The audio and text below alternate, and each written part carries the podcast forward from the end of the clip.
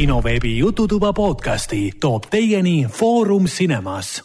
tere tulemast kuulama kinoveebi Jututuba, see on, see on meie seitsmekümne teine saade, minuga koos saates nagu ikka Raiko. tervist! ja Hendrik. tere! tänases saates me räägime üllatus-üllatus filmidest, seriaalidest ja, ja kinofilmidest. et kui eelnevates saadetes me oleme siin pigem rääkinud asjadest ehk siis filmidest ja seriaalidest, mis me oleme kodus vaadanud, siis seekord me räägime natuke pikemalt ka värskelt kinodes alustanud filmidest. aga kõigepealt läheme muidugi, muidugi selle juurde, kus me räägime siis filmidest ja seriaalidest, mis me oleme vahepeal kahe podcast'i vahepeal või kahe jututoa vahepeal vaadanud ja alustame muidugi Raikost, kes vist vaatas ära pool, pool Netflixi vahepeal, et Raiko, mis juhtus?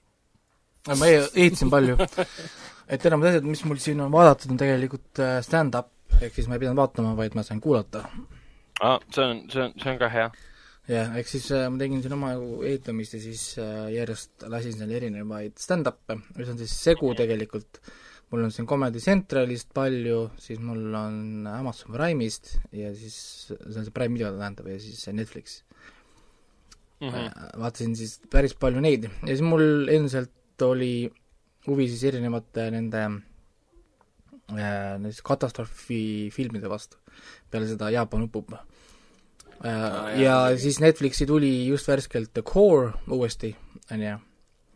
klassikaline film Kla. klassikaline film. mis ta oli, Doom, Doom oli ta vist nimi, tugevat teega e. Eesti keeles oli jah, Doom kunagi. siis Deep Impact vaatasin. ka väga hea. ja, ja muidugi siis Umbrella Akadeemia teise hooaja, on ju. Mhm. sa said nüüd läbi täitsa, jah? Äh, jah, ja muidugi, ma vaatasin kohe ära kõik järjest ja siis okay. äh, vaatasin ära Close Encounters of the Third Kind uh,. Nice. see on väga hea film. jaa, Netflixis, Netflixis on see, kui Aa, keegi, keegi tahab vaadata. kas ta Netflixis on 4K-st äh, olemas või? ta on jah, 4K jah, ultra HD 4K mm. jah ta on jah, ta vahepeal vist, ma ei tea, eelmine aasta vist ta tuli esmakordselt vist kinodesse. me näitasime, meie, meie kinos näitasime ka seda. ja ma hakkasin tegelikult vaatama ainult sellepärast, et ma vaatasin ühte Netflixi seda uut sarja, see oli see Mystery Lab. siis on üks episood üks, vaatasin ära, kus kohas nad siis rääkisid korra sellest Encounters of the Third Kind, tuli meelde, et kurat, ma pole ammu näinud mm. -hmm. tahaks vaadata uuesti, siis vaatasin uuesti. aga nii, ma kuskilt hakkan otsast pihta kuskil siin kiiresti, et ähm, no nii ütle, ütle, kas äh, dekoor on siiamaani sama debiilne, kus, kui ta oli, kui ta oli mitu aastat tagasi? ta on nii fun film, et on, on seda küll, küll. ma olen seda vaadanud elu jooksul, ma pakun mingi viis korda, võib-olla isegi rohkem. mul no. oli, mul oli kunagi DVD-na ka ja isegi VHS-ina olemas, nii et uh. me oleme teinud filmõhtul ka, kus me vaatasime vaatasime mitu erinevat seda jälle katastroofifilmi ära, neid on nii hea vaadata kiiresti järjest mm., noh, keegi mõtlema peas, sa pead väga sügavalt kaasa elama ja ja siis äh, mulle meeldib kuulata nii, nii seda teaduslikku laba, kuidas siis stsenaristid mõtlevad asju välja. eriti dekoori puhul. kuidas siis jah, kõiki asju nagu tehakse, et no muidugi huvitav on see, et ma pulli pärast guugeldasin ka, ma, mulle meeldib vaata guugeldada seda tead-, teaduslikku osa, kui palju siis sellest ideest või noh, nagu äh, põhi äh, pointist siis on võetud nagu päriselt. ja siis huvitav ongi tegelikult, et leidsin, et noh, nüüd muidugi peale koori ka äh, Äh, täitsa, mhm. täitsa teadlased on äh, isegi väga lähedal sellele, et helilainetega kivisid ja asju nende nii-öelda pehmemaks muuta ja lõigata, et aga see, et sa sõidad äh, äh, puurimismasinaga maatuuma sisse, kas see on võimalik? no seda ma ei usu. sest nii kiiresti sa ei saa nagu teha, et, et tal on väiksed videoklipid, mis ma nägin, oli ka see umbes, et nad lasid mingi viiskümmend tundi mingit heli teatud kivi suunas ja siis äh, kivil tekkis mingi väike lohk, vaata. noh, saad aru no,, noh, mingi, mingi nagu selline asi, mitte nii, et sa lähed mingisuguse suure ilge masinaga, mis sekunditega suudab äh, läbi imeda ennast igalt poolt. aga ei, minu arust väga hea film, väga palju action'it, väga palju adrenaliini, üllatusi ähm,, noh, miks mitte, selles mõttes, et ma ühtegi ma, ma, ma küll kahetse, kahetsen, et ma olen seda vaadanud nii palju kordi ja ma vaatan seda veel, ma ei tea, et ma vaatan seda filmi veel kunagi. ma arvatavasti vaatan seda lastega ka kunagi ja mm. -hmm. ei, ma... kas see on siis pigem, pigem dekoor on rohkem sinu teema kui näiteks Armageddon või? ma ei oska, vaata nüüd, äh, ma ei oska öelda, ma olen tegelikult pidevalt võrrelnud seda Deep Impacti ja Armageddonit. kuna mul Armageddonit yeah, yeah. nii palju rohkem kui Deep Impact, siis ma mõtlesin, et ma vaatan seekord uuesti äh, Deep Tulid- äh, Impacti, nad tulid samal, samal ajal ka. ja samal aastal isegi, jah. ja, ja mulle me tegelikult äh, Deep Imp- Impact väga meeldib, sellepärast et kui Armageddon oli rohkem space action, nagu see võitlemine kosmoses, siis äh, Deep Impact on ju inimeste story. väga inimlik Jah. film. väga draama. et, et kuidas see mõjutab nagu inimesi ja palju hullem on ka, sest Armageddonis tegelikult ei juhtu mitte midagi. noh, kõik päästetakse ära. kõik on nagu happy ending, siis tegelikult ju Deep Impactis ju pool Ameerikat tegelikult sureb ära. okei okay,, tegelikult Armageddoni alguses või kuskil keskel äh, vist Hiina hävines või Hongkong hävines ära, et seal ikka mõned miljonid said surma selles mõttes. aga No, jah. aga, aga Deep Impact lõpeb reaalselt ju selle, Tea Leoni saab oma isaga kokku ja nad koos surevad seal, spoiler. jah, maailm või?, maailm põhimõtteliselt. ja, ja seal on ikka jaa, seal pea, peategelane sureb ja seal on pered surevad, seal äh, tüdruku vanemad surevad mm.. no täpselt, et see ei ole, by no means see ei ole nagu Armageddon. ja, ja, ja, ja isegi lust- pärast, kui kui nad päästavad nagu ära, on ju, seal, siis need tükid, tükid, mis tegelikult endavad ka samuti tegelikult teevad veel tööd ja lõhuvad seal ja ja noh, väga kihvt film tegelikult jälle, et, et noh, ja ta on nii hästi aegunud ka, kuigi nende mõlema filmi puhul, nii The Core kui ka Deep Impact, ilgelt häirib mind see arvutite värk. kui äh, Arvutite värk? see, see pole üldse nagu hästi aegunud, kui see häkkimine näiteks, kus kohas selles The Core'is see DJ Squalls või Squalls äh, karakter peab äh, häkkima internetti, tervet Aa. maailma peab äh, häkkima ja, ja, ja. kas seal kasutatakse lauset ka I m gonna hack the internet? ei, ei, I m gonna hack the globe oh my god. ja Ah, ja siis ta häkib seda gloobust ja siis ta proovib seda paat-, peatada seda projekt äh, Destiny't, kus ta nutab seal samal ajal, sest ta ei suuda tegelikult häkkida nii kiiresti, kui on vaja, sest äh, ta sõpradel on tema abi vaja. nii armas. ja, ja niisuguseid huvitavaid äh, nagu noh, asju on, aga Deep Impact, Deep Impact muidugi, kusjuures mina ei teadnud, et Elijah Wood'i ma ei mä- mäletanud, et tal oli nii väike roll seal. jaa. tegelikult äh, ta ei ole nagu, ta nagu paistab põhitegelane, aga tegelikult seal on nii palju teisi tegelasi, see Ta- Lele Sobieski ja siis Tea Leoni ja tema isa ja siis Morgan Freeman ja nii edasi tal on tegelikult ekraani aega jumala, jumalast vähe aega. mm..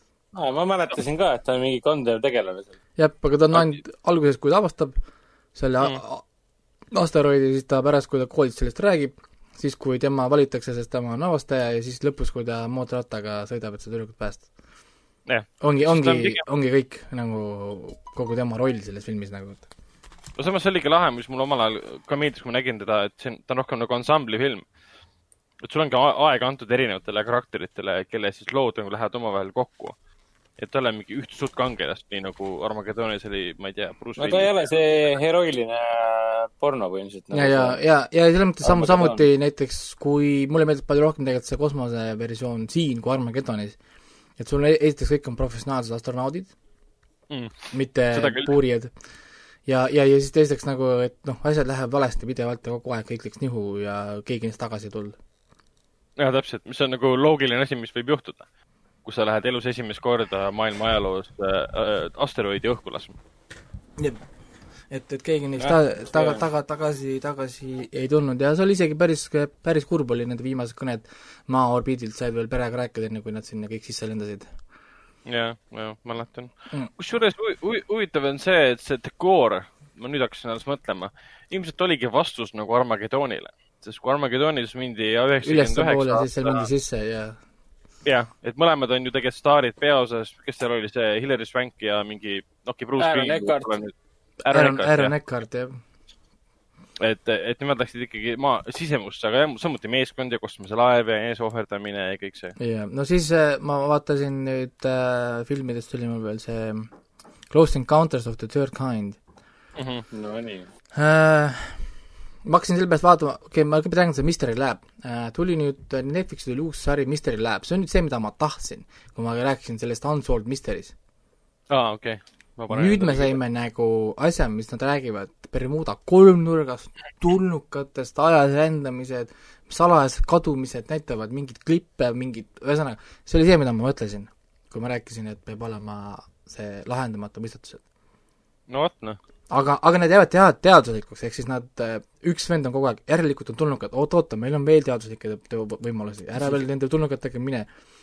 ja, ja siis esimene episood, ma vaatasin, ainult ühe episoodi vaatasin, ma rohkem seda ei jõudnud. esimene episood räägib Per-, Bermuda kolmnurgast äh, ah.. Kõigepealt on need müstilised kadumised, räägivad nendest kõige tuntumad müstilised kadumised seoses Bermuda kolmnurgaga ja siis nad hakkavad sulle rääkima siis teaduslikke põhjendusi, mis tõenäoliselt juhtus. miks kõik need juhtus ja siis nad selgitavad sulle katsete ja näidetega ära, kuidas toimivad erinevad fenomenid vee, ilmastikuga ja miks seal selles mm. kolmnurgas need on palju hullemad kui igal pool mujal, miks laevad seal upuvad, kuidas seal on need mingid liikuvad korallid, seal on need mingid veealused koopad, ühesõnaga, et see asukoht ise on niivõrd eriline, et sinna, siin, ühesõnaga, ühesõnaga vaadake seda, seal, see on, see on, see on huvitav. Ja iga episood on siis selline nagu suur müsteerium. Ja, ja vot see on, mida ma nagu mõtlesin, et, et pal-, noh, vastus, aga muidugi ta on hispaania keeles ainult siis mm sest see on Brasiiliast oma mm.. või siis portugali keeles, sorry, portugali keeles mm.. ei, see on väga okei okay., las ta, las ta olla. aga seal saab panna inglise, inglise taabi peale. ei saa, taabi ei ole, taabi ei ole.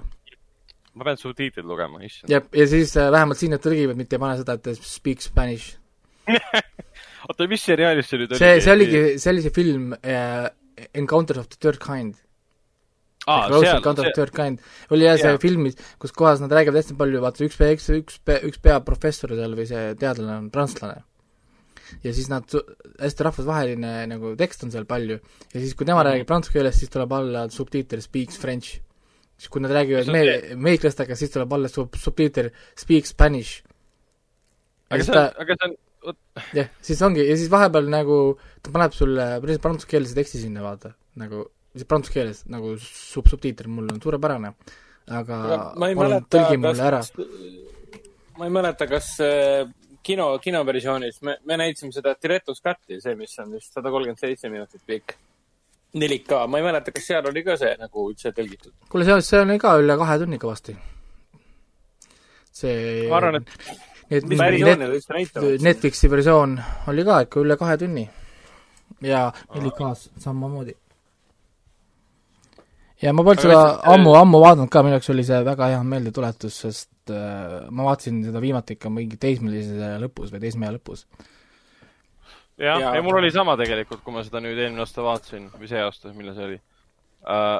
et ma polnud väga ammu seda vaadanud ja hoopis teises stiilis Spielbergi film, kuidagi ka aeglaselt. ja mulle nii, mulle nii meeldis see film tegelikult, kuidas see oli tehtud. ei, mulle ka, jah hästi, hästi rahulik ja hästi ilus ka tegelikult. ja, ja siis see lõpp läks nagu nii kiiresti nagu noh, nagu kõik oli kogu aeg niisugune müstiline ja oli, ei olnud, oli, ei olnud, niisugune vaikne kerimine ja siis lõpuks kõik mingi noh, tulnukad, laevad, värgid, särgid, kõik asjad korraga nagu.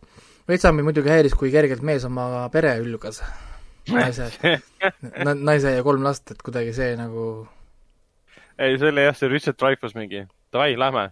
üldse äh,, üldse ei mänginud rolli, et läh, lähme tulnukatega kaasa eks see oli tema, vaata, väljapääs sellisest äh, pereelust ja vaatas, et mis asja, naine ei ütle ei, kui ma tahan tulnukate juurde minna ju.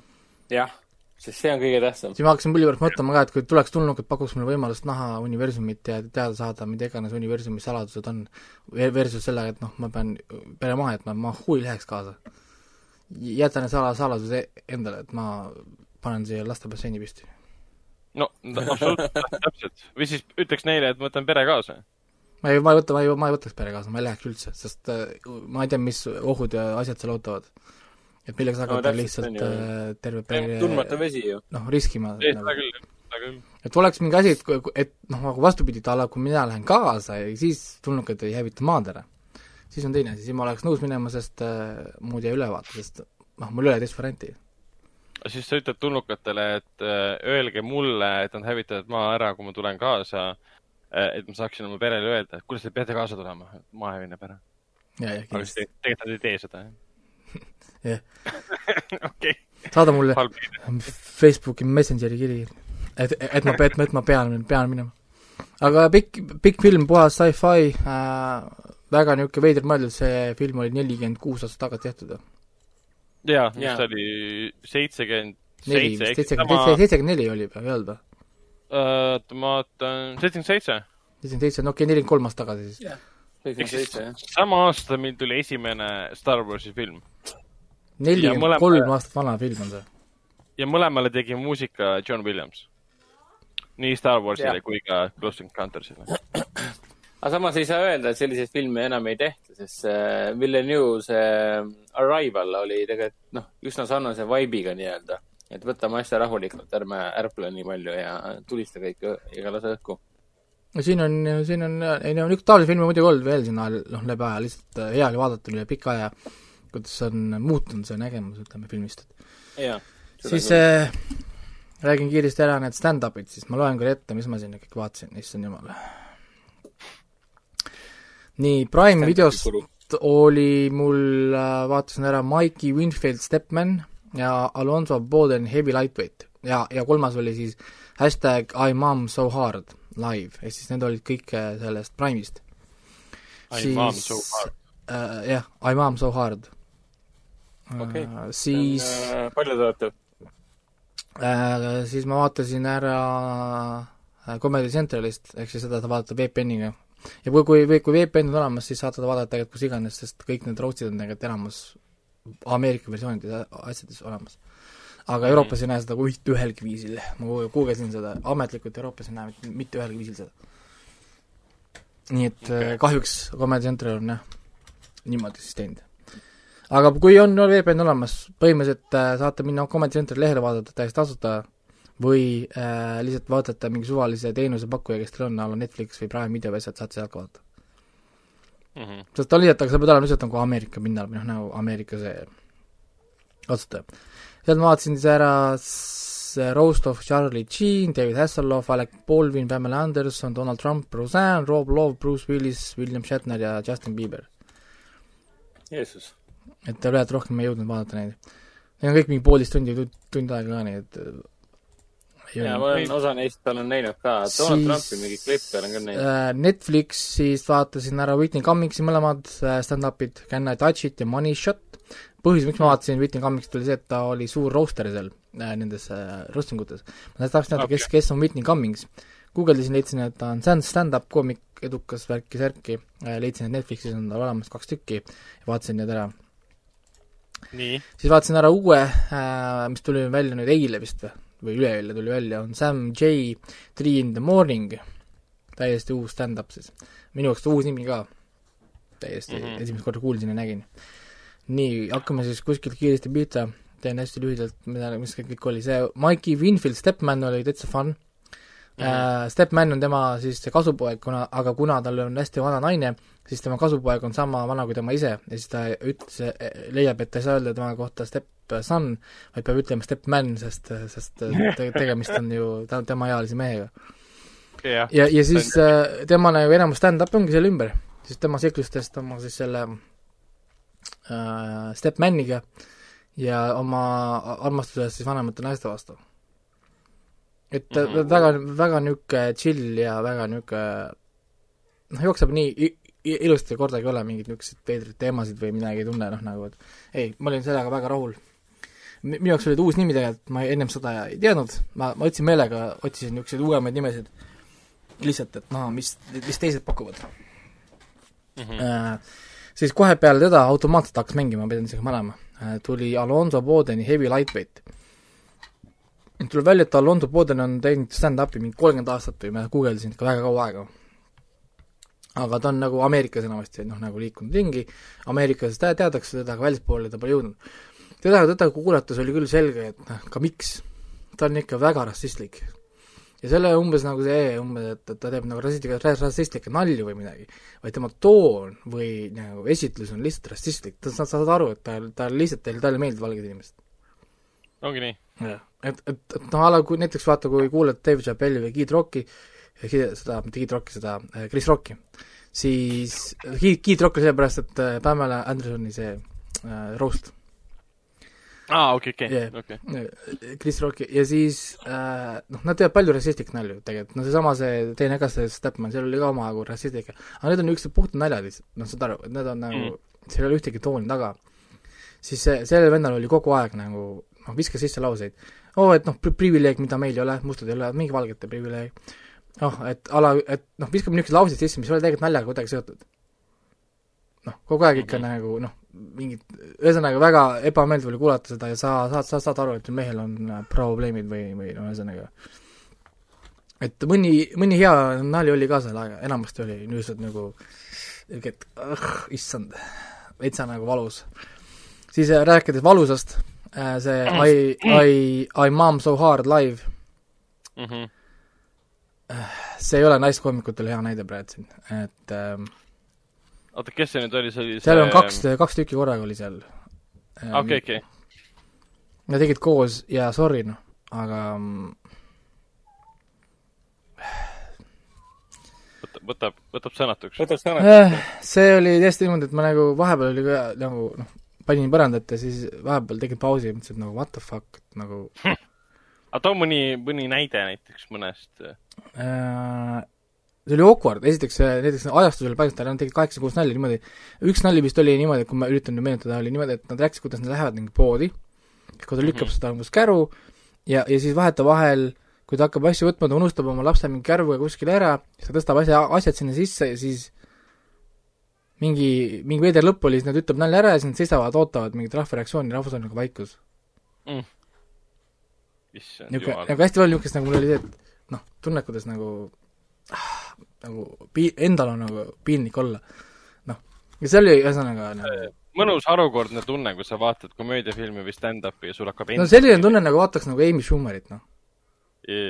okei, jah, istud ja vaatad ja mõtled, et eh, noh, mis asi see on, mida ma just vaatasin. oota, aga miks üldse sellised, sellised, ma tean, see on hull küsimus muidugi, miks sellised stand-up spetsialid üldse siis Netflixi jõuavad? see oli Prime videos praegu. Aga okay. nad jõuavad see on jah,, nendel on Prime need äh,, ma arvan, seal on mingid projektid, vaata, või mitte projektid, vaid need kvoodid, tähendab. sellest mm. -hmm. vaadates, kui woke nad kõik on, siis tõenäoliselt on see, et ala, näed, meil on juba viis stand-up'i valgetelt meestelt olemas, nüüd meil on vaja, ma ei tea, kolm stand-up'i mustadelt meestelt ja kaks stand-up'i naistelt. ahah, sest umbes niimoodi see kipub nagu, nagu olema, sest muud põhjust ma ei suuda leida, miks nad, miks nad sinna nagu saavad, sest ei ole umbes see, et ta viskas saates meil video, me kõik naersime ja nüüd noh, teeme talle spetsiali, vaata. okei okay,, nii, siis äh, räägin korra Whitney Cummingsi omast või Whitney Cummings äh, omad, mõlemad olid hästi head. Whitney Cummings on äh, tõesti hea kommik, ma olen üldse üllatunud, et ma tast nii vähe kuulnud olen. ta suutis rääkida mõle-, kaks teha, terve kaks stand-up'i teha, ilma et räägiks oma vagiinast. tervet, terve aeg, ehk siis äh, Amy Schumer võiks vaadata ja et äh, õppida korra, et sa saad tõepoolest tegelikult rääkida muudest asjadest ka elus. eeskuju võtta. ja ei, ta, ta pani seal igasuguseid äh, nalju, ta tõi endast tehtud selle seksnuku ka lavale eh, mis asja. ja et, et, et temast on olemas nagu seksnuku, vaata, mida mehed saavad nagu osta, vaata. ja siis mm -hmm. sellega sellega, sellega oli tal ikka päris, päris hea rutiin seal ja, ja ta tegi iga, ühesõnaga tal oli see bulimia nali oli seal anno, anorekst natukene seal, tegi näiteks üks hea nali oli, kuidas, et et noh, et äh, Hollywoodis on siis kahte tüüpi söömisehäired on ju, et sul on siis see Roseanne'i sugused söömisehäired ja siis temasugused sö- söömisehäired, ehk siis tal oli, ma saan aru, buliimiaga mingi teema meedias mm. -hmm. või kuskil käis läbi, aga Hollywood aktsepteerib õnneks ainult seda, mis temal on. okei. ühesõnaga mingid niisugused noh, nagu äh, nalju, et seda ma soovitan vaadata kindlasti, et Whitney Cummingsi omad olid mõlemad äh, väga nagu mõnusad ma vaatan, et tal ongi Netflixis kaks tükki ainult vist. ja no need ma, ma leidsin, need ma vaatasin ära, jah. siis aga tal on, tal on väga innuendo, innuendo pealkirjad, et on ja tema, tema nimi on ka nagu ta ise ka ütleb, et, et, et tervist, ma olen Whitney Cummings, porno nimega Whitney Cummings. et. teadvustab seda. jah, aga see on tema päris nimi, nii et äh, sellega ta teeb seal nalja jah, nagu siis äh, vaatasin ära see Sam, Sam J Three in the morning. see oli nüüd niisugune üles-alla on ju käis. esiteks, kuna Sam J on naine, mustanahaline gei naine, siis mm -hmm. pakkuge millest äh, tema naljad kõik on. No järelikult ainult iseendast ja oma elust eh, seoses sellega. ehk siis, kui hakata vaatama, siis olge valmis lihtsalt tohutult palju rassist, naiste suguorganitest ja veel kord rassist. Mhm. nagu, aga need, aga need osad, kus ta ei räägi nendest, seal on vähe neid, aga need osad, kus ta nendest ei räägi, tegelikult ma naersin küll. Nii et, et äh, minu soovitus ikkagi ka nagu naiskoomikutel on, et äkki nagu keskenduks igapäevastele probleemidele, millega kõik suudavad samma astuda. jah, Et muidu on- tekib ju see olukord, kus lihtsalt äh, need, sa koondad endale väga konkreetse publiku. aga sa ei saa nagu, sa, sa ei suuda nagu tabada seda soont, jah, mida on et tabanud näiteks väga paljud teised, et kõik vaatavad ja kõik naeravad. et näiteks sama üks näide, see Whitney Cummings rääkis igapäevastest asjadest. Ta rääkis mm Mhm. -hmm. töö, tööle minemisest, kuidas see tööle hilinemised on ja mis tal seal oli, oli samuti see õhtuti magama minemine õigel ajal. Mhm. terve mingi kümme minutit nende segment sellest. mingid asjad, noh, millest kõik saavad nagu aru, vaata va,, Bill Burrid, asjad, kes räägivad, nad räägivad igapäevastest asjadest, lihtsalt nagu mingi casual things ja teevad nendest niisugused nagu naljad. et, et noh, isegi kui nad teevad nagu rassistlikke nalju, siis nendel, nendel on väga niisugune peen kontekst ja ühesõnaga nad suudavad seda kõike teha nii, et see ei tundu alati mingi noh, niisugune niisugune, niisugune noh, surutud, ühesõnaga sobib. aga neid saab teha küll, nii et Whitney Cummings on kindlasti minu jaoks hea, hea leid ja ma saan aru, miks ta nendesse roast idesse võeti. siis nüüd need Comedy Central roasts on ju, kui keegi siis ei tea, mis asi on see roast, siis on niimoodi, et äh, Comedy Central teeb iga aasta ühe roast'i. Mhm. iga aasta on üks roast ja siis nad äh, heategevuslikul eesmärgil leiavad ühe siis kuulsuse, suure kuulsuse, kes on siis nõus seda tegema, nad saavad palju raha selle eest, kuulsus ei saa raha selle eest, kõik, kellest tehakse, tema ise raha ei saa, vaid tema eest antakse mingi suur summa heategevuseks siis äh, mingisugusel, mis tema ise valib. Mhm. tema ja siis te, tema nii-öelda nagu siis paneel koostada, koostatakse selle järgi, keda tema soovib seal näha. a la, et kas tema sõbrad, näitlejad, tuttavad ja siis on, ja siis on äh, neli kohta on vähemalt määratud siis koomikutele. Ehk siis alati on sul olemas Jeff Ross, kas siis on see Whitney Cummings äh,, siis see äh,, issand, see naine, see hobuse näoga naine, noh. Liisa, Liisa Pal-, Palonelli ja siis äh, üks on veel see, issand jumal, jälle ei tule meelde, ma just vaatasin neid ju. see musta huumoriga vend äh,.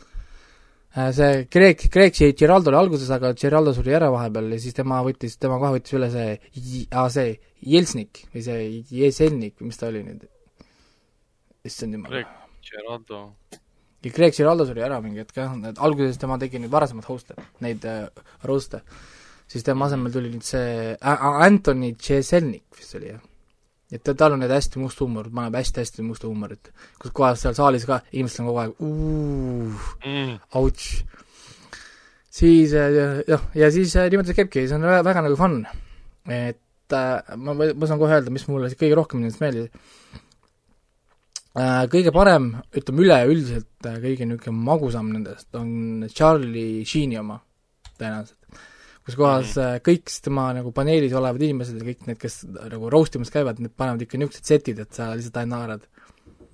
ainult puid, puid, puid äh, visatakse all, näiteks seal oligi, et küsimus, kui, kui palju kokaiini teeb Charlie Sheen? piisav, piis-, piis-, piisavalt, et tappa kaks ja pool meest. aa, nagu- see on tõsi, see on kurb, aga tõsi.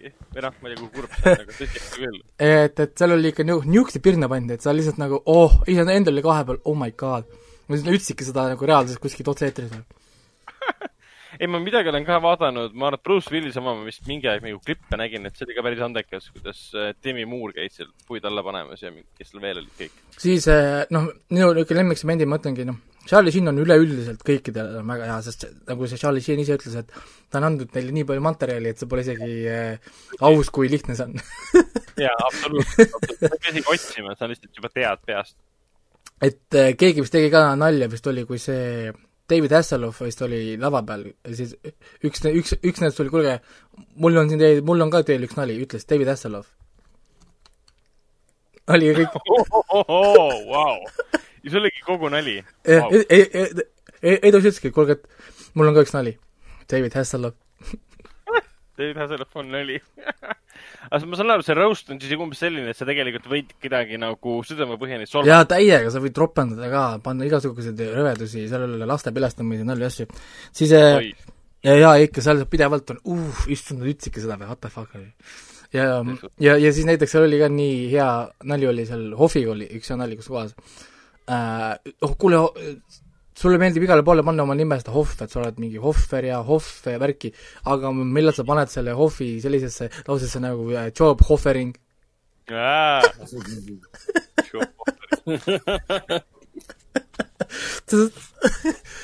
et kogu aeg nagu ja ei, ma soovitan vaadata, see on, see on nii kuld lihtsalt, sa ainult naerad, nagu Seth MacFarlane on neil baaris selles äh, host'is see roastmaster ehk siis saatejuht nagu. Uh,, vend viskab puid igale poole ja siis on tema üle, üle, üle tehakse ka nalja, see Jeff Ross läheb lava peale ja ütleb, kuule, Jeff, see Seth MacFarlane äh,, South Park helistas, nad tahavad äh, äh, kõike enda asju tagasi, everything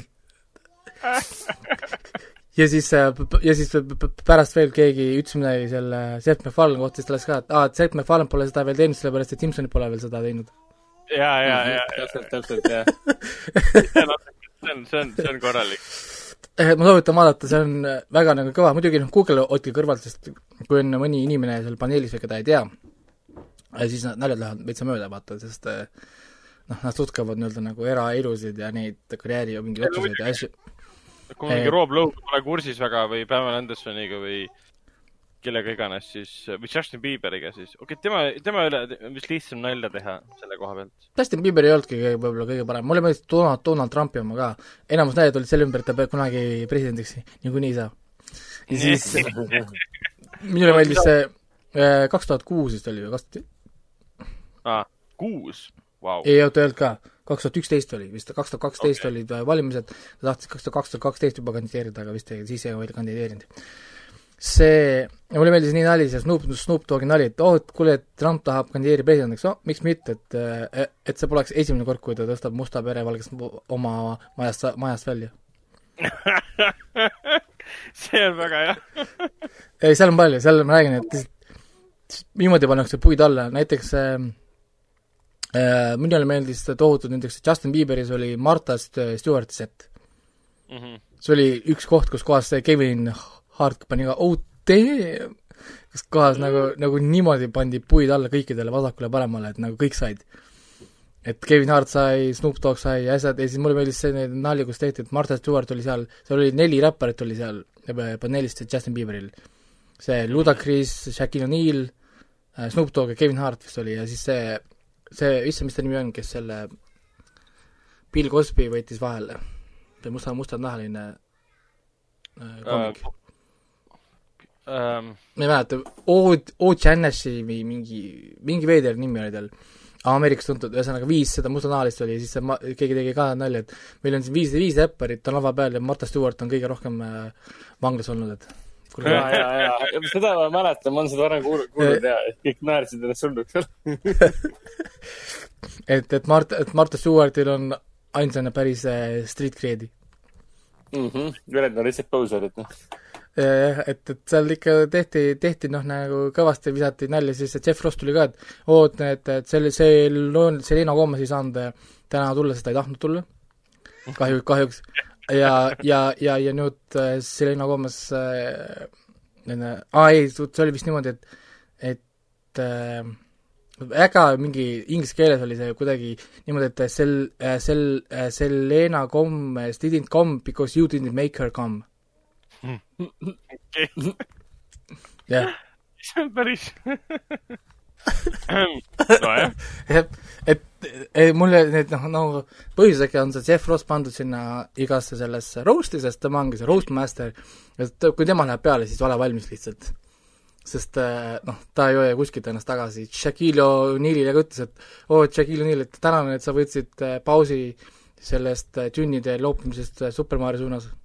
ja siis ta tegi seda World Trade Centeri nalju, kus kohas see Pete, kes on see SNL-i see Pete äh, Davidson või? Pete Davidson, Pete. Davidson isa suri ära ju üheksa, üksteist. ja okei, siis ta pani sinna ka pilli, et noh, et, et, et ainsana, kes on rohkem suitsu sisse hinganud kui Snoop Dogg, on Pete Davidsoni isa selles äh, World Trade Centeris.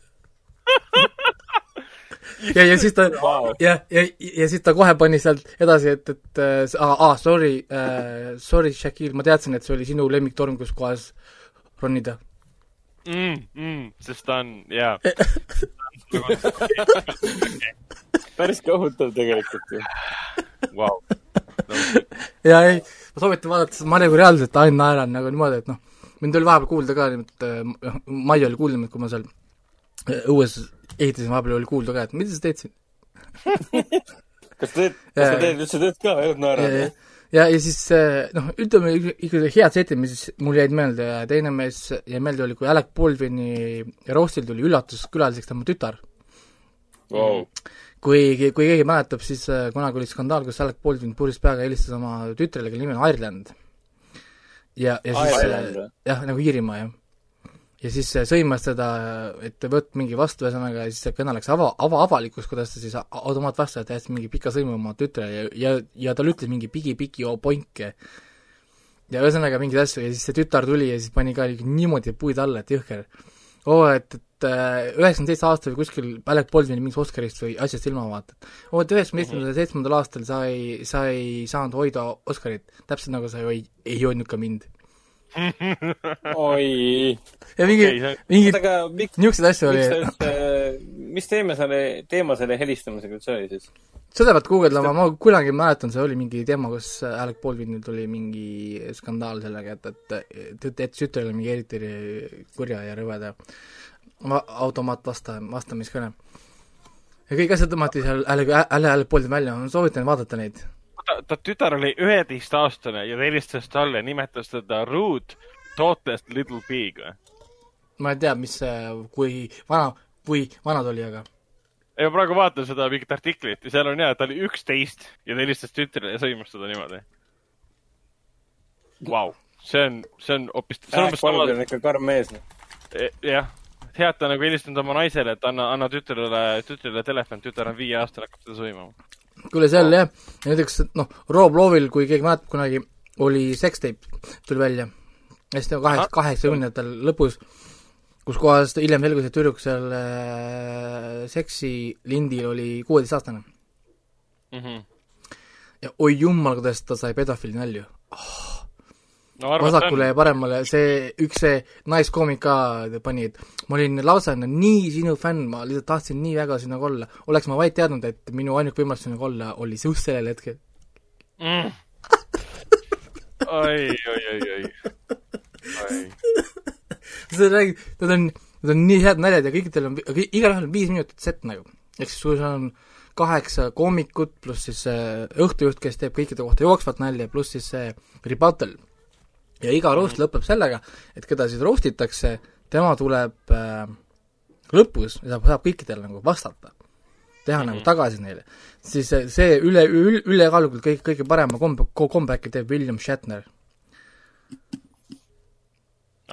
jah, et, et see on nagu täiesti niimoodi, et kui ütleme noh, Don-, Donald Trumpi rebuttal oli suht niisugune, noh, kõikidel oli paar head nalja, on ju Mhm., no ülekaalult kõige mõttetum oli Roseanne ja Justin Bieber, nemad kumbki ei tee põhimõtteliselt mingit väga mingit nalja. teevad oma mingi kõne seal, tänavad inimesi ja blablabla bla..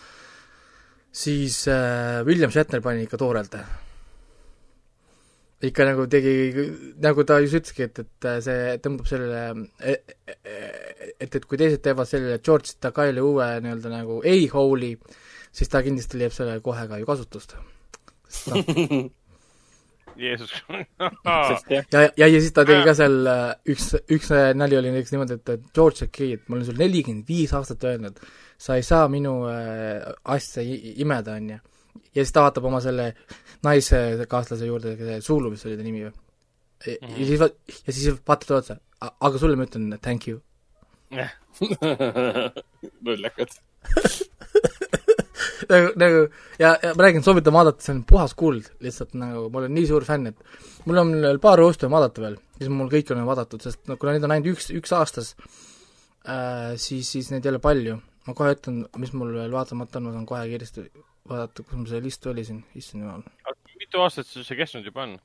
kahe tuhandete algusest hakkas kuusteist tükki vist on olnud, seitseteist tükki kuigi nendel on veel oma see nii-öelda nagu see nagu spin-off ka, on nagu see, kus kohas äh, mingi Lõuna-Aafrika Vabariigi või kuskil mujal, kus Comedy Central, nad teevad nagu oma kohalikel saartel ka. Need mm, -hmm. need mind ei huvita, sest ma ei tunne ühtegi inimest seal.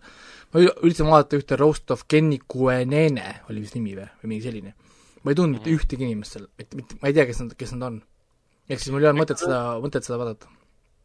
Eks need roast'id töötavadki just siis kõige paremini, kui sa tead, kes on, kellega nii, kellega on tegemist. jaa, et kui, kui lähete Comedy Centeri lehele, sa võtate lahti roast, siis valige nagu see, nagu see US või nagu see, nendel on need no osad roast'id on jah, nagu Brasiilia vist oli veel mingi noh, seal on neid roast'e päris palju, aga need on täiesti, noh sa, kui sa just ei tea kohalikke staare, need ei ütle mitte midagi, kuigi need on kõik inglise keeles, nad isegi Lõuna-Aafrika Vabariigis ja isegi Brasiilia omad on tehtud inglise keeles.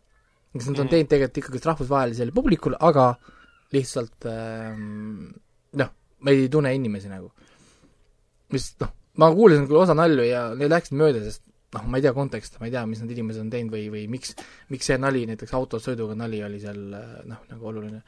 seal näiteks Caitlyn Jenneriga oli ta ühes paneelis seal, vaadake seda, kuidas see naine mees saab äh, puid alla ahah, seal toodi kindlasti tema see seal, see, seal, seal ei hoita üldse, üldse, üldse tagasi, no see, see sama, kus kohas Jeff Ross alustab, et oh, et, et Caitlyn Jenner on, on, on, on olnud hea aastat, on teinud naistele nii palju, aga ta kuidagi ei, ei aidanud kaasa naisautojuhte. jaa, see on põhinali, mida on igal pool kasutatud tegelikult yeah et, et seal lihtsalt, kuidas saab puid alla see, kuigi mulle tema üldse ei meeldinud, sest tema enda set oli ainult temast endast.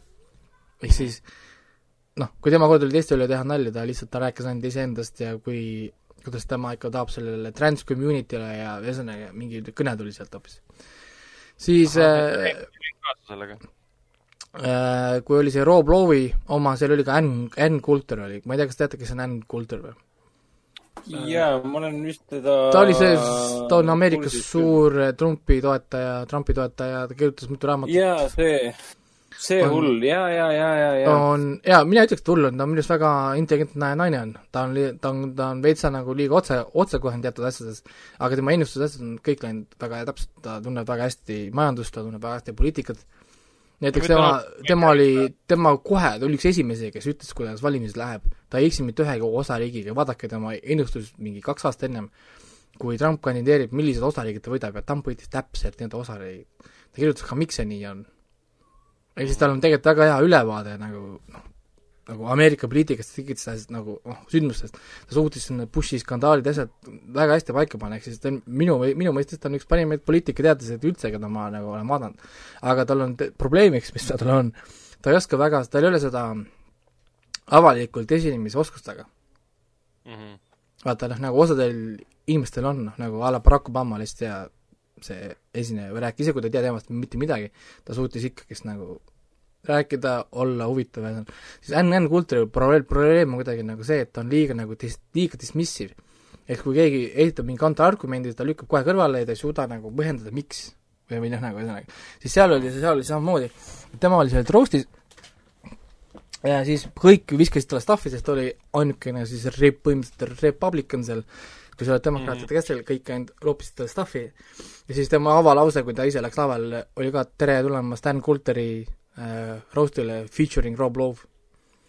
sest mm, -hmm. sest tema sai ikka jõhkralt puid alla. okei okay. aga jah, tema, tema set ei olnud üldse naljakas, vaid ta rääkis ka oma raamatutest ja oma poliitikast rohkem, kui noh, nagu teda huvitas see nalja tegemine, ehk siis see oli selge, miks ta sinna tegelikult tuli ja siis see Jeff, Jeff Ross alustas hästi näiteks, kui see oli, kuule, et Ann Coulter on kirjutanud kaksteist raamatut, kas oli raske üks nali ka kirjutada või? see on päris hea, see on päris hea. ja, ja, ja mulle meeldis see Pete Davisoni avanali selle Ann Coulteri kohta, kus koos oli, et Ann, kui sina oled siin, siis kes meie äh, seda äh,, kes meie vilja, viljapõlde valvab? okei okay. et noh, niisuguseid nagu ouch asju noh, pandi, pandi, pandi ära, aga seal ikka jubedaid nalju tehti ka, see Steve O, vaene Steve O, kui tema oli seal ah,, kus kohas tema see, see tema sõber oli just ära surnud, siis selle üle pandi, pandi seal nalja, et, et oli see suitsiidi oma, et oo oh,, et Steve O, sina ütlesid oma selles Twitteri postituses, et, et sina soovid, et sina oleks läinud tema asemel. usu mind, meie, meie soovime ka. okei okay., vau see on jaa, see läheb üle, samas ma ei tea, kas see läheb seal üle piiri. seal, seal, seal, seal üle piiri, kui see roast algab, see on alg-, alguses ka kiri, et see on mature content, on ju, full on, ja et seal ei ole ühtegi nagu limiiti mm,. et mm., et sa võid panna nagu nii toorest, näiteks see Jeff Ross tegi ka, kui oli üks roast, ma ei mäleta, milline nendest, kus olid kõik ainult valged äh, valgenahalised, siis ta pani ka, et oo, me tahtsime musta, mustanahalised, me te-, me tellisime nad, nad lihtsalt ei jõudnud kohale. Okei okay. mustanahalised ja siis Shaq, Shaquille, Shaquille O'Neali kohta ta pani, et, et Shaq, Shaquille O'Neali algselt oli, oli esimene see originaalne Two Change, noh, see on, see on see Ameerika räppar üks, selle, selle, sellepärast, et täpselt niimoodi Shaquille O'Neal toodi Ameerikasse. ai, ai ma räägin, seal on lihtsalt, see on tohutult nagu võta, võta ja, ja vaadake ja naerge ja andke minna, onju. Tundub jah, et see on niisugune perfektne platvorm inimestele, kus nad ei pea kartma mitte midagi, sest neile on antud see, see hetk, kus nad võivad ükskõik mida põhimõtteliselt välja öelda. on ja um-, jummal, mis, mis nalju sealt tuleb, see, ta vahepeal, ei ole, ta ei ole lihtsalt valmis nende jaoks, kui head twistid seal on. kõige hullem ongi, kui läheb kas siis see Jeff Ross või siis Antoni see Tšeselnik läheb lavale, siis olge valmis, sealt tuleb lihtsalt, hakkab tulema, nad, nad ei hoia ühtegi asja tagasi, selles mõttes noh, nagu noh, nii, nii toorelt pannakse, näiteks seal oli see nali, kus kohas üks see musta, see musta-valge segu äh, Ameerika korvpalluriks oli seal. siis see Mhm. Jeff Ross läheb ka, et, et, et, et ma ei tea, mis rass sa oled, aga sa ei ole veel piisavalt äh, must, et politseisundid pihta tulistaks. see on, see on äh, kurb, aga, aga jah, see on kurb tõde. mingid niisugused, noh, niisugused, niisugused äh, nalju, noh, nagu noh, issand jumal. täiesti crazy. väga karm. Jah, ja kuulsustel ka, ma räägin, kuidas kuulsus on tegelikult nõus sellega, Bruce Willis näiteks seal ka, mis nalju tema sai Ashton Kutcheri kohta Mhm. oh jumal küll, kuidas ikka nagu oli ja siis äh, selle äh, tuleb välja, Bruce Willise ühe tütre nimi on Rumor, no või noh, nagu kuuljutt vaata, Rumor.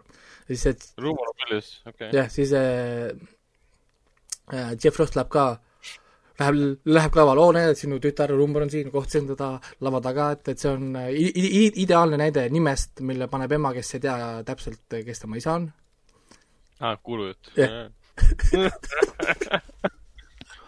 ei, päris andekad tegelikult. ei, on, et äh, ma soovitan kõigile vaadata, et kui tahate tõesti nagu, nagu muidugi noh, oleneb muidugi, kas teile meeldib sellist tüüpi huumor. Minule väga meeldib selline enese, tugevalt enese irooniline ja ärapanemise huumor, sellepärast et see näitab, et sa pead tundma inimest suurepäraselt. Mm. saad aru, see on äärmiselt isiklik huumor ja üldiselt see on see huumor, mida sa näed sõprade vahel. Noh yeah. kus inimesed panevad ära, siis nad teavad, mis üksteised, noh, mis inimesed on omavahel peki keeranud, mis kellelgi valesti on läinud, eks teatakse, saad mm, ära sutata, vaata noh, nagu siuksed nojah, see ei ole selline õele ärapanemine, see on see, et üks, inimesed üksteist juba tunnevad, nad teavad, kust nad tulevad ja kust need naljad tulevad. ja, ja et, et, et see ei ole lihtsalt nagu niisugune stand-up, kus üksinda nagu lähed ja, ja, ja noh, loed enda teksti. aga mm. -hmm. kiiresti nüüd lõpetan selle kokku selle Umbrella Akadeemia, sest ma räägin, et nii palju asju oli vaadatud siin või ja see on äh, sinu teine, sinu lemmikseriaal. on, ma olen väga rahul, teine hooaeg oli väga-väga hea, väga hea asi. praegu, praegult üks parimaid asju, mis just telekas või noh, telekas, internetis siis äh, jookseb, kus on siis supervõimetega inimesed. ma ei ole siiamaani vaadanud ühtegi episoodi. et äh, täpselt, kui see esimene osa lõppes, teine hooaeg läheb edasi äh,. no nii palju ma saan öelda, et esimese hoo- hooaeg lõppes, ilma et spoiliks sisu, lõpeb sellega, et siis äh, number viis ehk siis äh, siis see viies laps, oota, see on, okei okay,, põhimõtteliselt seal järjes on niimoodi, et, et see isa, kes nad siis adopteeris, kurat küll, ma ei saa seda ka öelda, põhimõtteliselt oli kaheksakümnendate lõpus toimus üks event, kus kohas ühel, ühel päeval ausalt öeldes ma ei tea tema, sellest sarjast midagi. ongi, et ma just mõtlesingi, ma veits kardan sind praegu. et kaheksakümnendate lõpus äh, oli üks event, kus kohas sündis hästi palju lapsi üle maailma, mingi sadu lapsi sündis ühel päeval, samal ajal ühel minutil Mhm. sündisid hunnik lapsi. siis need on kõik erilised lapsed, nendel võib-olla on võimet, võib-olla mitte, siis üks rikas mees käis äh, pere juures pere juurde, ostis need lapsed ära, kes oli nõus tal müüma. ja ta sai neid kokku seitse tükki ja ta nimetas need numbritega üks, kaks, kolm, viis, viis, kuus, seitse, sest ta ei viitsinud neile nimesid panna, sest nimed pole olulised, sest need on algusest peale treenitud, et nad oleksid super, super kangelased. Nendel on nagu elavad relvad. jah, need on hästi rikas isa, ta on hästi karm, aga ta on minu lemmiktegelane, ma kohe noh, räägin miks. See isa siis pani neile nimed üks, kaks, kolm, neli, viis, kuus, seitse. nii, see sari algab sellega, et me, esimene hooaeg algas sellega, et me nägime, et üks nendest sai surma, et neid jäi, neid jäi alles, alles kuus. ehk siis meil on kuus tegelast tegelikult filmis. sest üks nendest seitsmest nagu lihtsalt ühel kunagisel missioonil sai nagu surma. aga see seitsmes pole läinud, sest äh, üks tegelane äh, saab suhelda surnutega ja näha surnud, ehk siis see seitsmes on tegelikult nagu alles, aga ainult nagu ühe karakteri jaoks siis. aga meie, meie jaoks on neid endiselt tegelikult veel seitse. Siis esimene hooaeg lõpp sellega, see on suur katastroof, mis, mis iganes katastroof see on, aga viies, kelle võime on siis äh, teleporteeruda mm, -hmm. saab teha seda ka tegelikult läbi aja ähm,, hüppab ajas tagasi, kõikidega koos. et nad kõik koos hüppavad nagu ajas tagasi, esimene hooaeg lõpp, see lõpp sellega ära, lihtsalt kõik, kõik, nad hüppasid, hüppasid ajas tagasi või noh, need, õigemini nad hüppasid minema ja said, sai nagu läbi. siis me nüüd teise hooaja alguses nägime, et nad tegelikult hüppasid ajas tagasi, mida me treilerites näeme ka, ehk siis ma seda ei karda spoilida. Nad hüppasid ajas tagasi, aga läks nihu. ajas hüppamine läks niimoodi nihu, et nad läksid kõik ajas äh, kaotsi omavahel. Äh, kõik algab sellega, et esimene nendest maandus tuhat üheksasada kuuskümmend, teine maandus kuuskümmend üks, kuuskümmend kaks, kuuskümmend neli, niisuguste ajal nagu mingi aastaste vahedega nad enam-vähem kõik maandusid aastasse tuhat üheksasada kuuskümmend ja neil kõigil on oma nagu story, ehk siis äh, põhimõtteliselt esimene osa, esimene pool hooajast ongi see, kus kohas me näeme siis üks episood, me näeme ühe, ühe karakteri story sellest kuuekümnendate Ameerikast, kuidas tema siin maandus.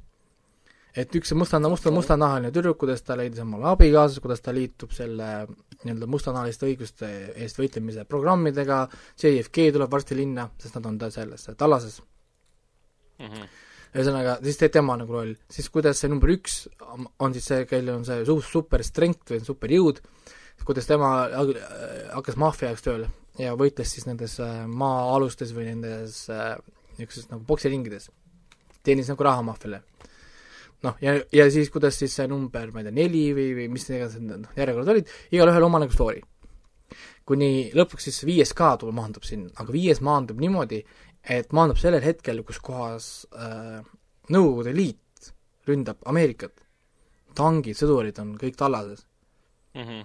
siis, siis, siis ta näeb seda, kuidas äh, need kõik tema õed ja vennad võitlevad siis nendega koos, noh nagu ameeriklaste koos venelaste vastu, ja ta näeb, kuidas tuumapommid kukuvad mm. -hmm. ja siis ta hüppab ajas tagasi kiiresti jälle, üksinda, sest midagi on valesti, sest ku-, kuuekümnendal, neljandal või mis aastal see oli, tegelikult lõppes maailm ära ehk siis nad on rikkunud ära selle ajal, aja selle joone. et midagi on muutunud, mis et, et jah, et nad midagi rikkusid nagu ära ja nüüd see viies hakkab seda parandama. ehk siis mm. teine hooaeg räägib sellest, kuidas ta proovib, proovib seda nagu parandada, noh nagu nii-öelda nagu läbi erinevate asjade, ma ei, ma ei saa rohkem spoilida, sest siin on hästi palju niisuguseid sündmuseid, aga kõik, kuidas see nagu käib, hästi hea lõpp on äh, hooajal, viimane osa on hästi kihvt, hästi palju küsimusi vastatakse ja antakse uusi küsimusi, me saame teada palju rohkem selle isa kohta, mis on päris huvitav, sest nad kohtavad oma, oma isa kuuekümnendatel, vaata. nagu aa ah,, jaa, jaa, jaa. ehk siis nad lähevad isa juurde abi, abi, abi saama? see on väga huvitav, nad räägivad oma isaga ja siis viies on, juhib väga tähelepanu, kuule, me oleme ju kolmkümmend, ei ta, me oleme ju kaks tuhat kakskümmend, need on nelikümmend, viiskümmend aastat vist varem. et kuule, kas ma olen ainuke, kelle tundub veider, et isa on sama näoga ja sama vana, kui ta oli siis, kui meie teda mäletame või mm.? Seal okay, oli, oli üks küsimus, kus see viies nagu küsis nii-öelda. aa, see on isa, me ei pea küsima, et ta on kogu aeg selline veider olnud. siis ja, äh, on siis suur reveal selle ühe isa, noh, nagu selle isa kohta ühe asjaga koos, mis oli nagu what the fuck moment ähm,. nii et jah, ja suur cliffhanger on, kes teise hooaja lõpus, ehk kolmas hooaeg tuleb wow.. kolmas tuleb kindlasti ja kellele meeldivad igasugused X-menid ja Smallville'id, värgid, no jumala eest, Umbrella Akadeemia on täiesti kohustuslik, et poisi vaatasite, meeldis ka samuti? aa ah,, pois on muidugi jah, kohustuslik. oota, aga miks selle, miks, miks ta nimi Umbrella on, Umbrella ah. Akadeemia? see isa see... Äh, Richard Hargreaves oli ta nimi äh,, tema firma, millega ta sai rikkaks, oli, tootis vihmavarjusid üks ah,, üks okay. vähemalt firmadest siis, millega ta teenis tohutult suure summa, oli vihmaharjud, siis äh, tema nagu see logo, mille ta valis siis äh, nendel superkangelastel, oli vihmavari.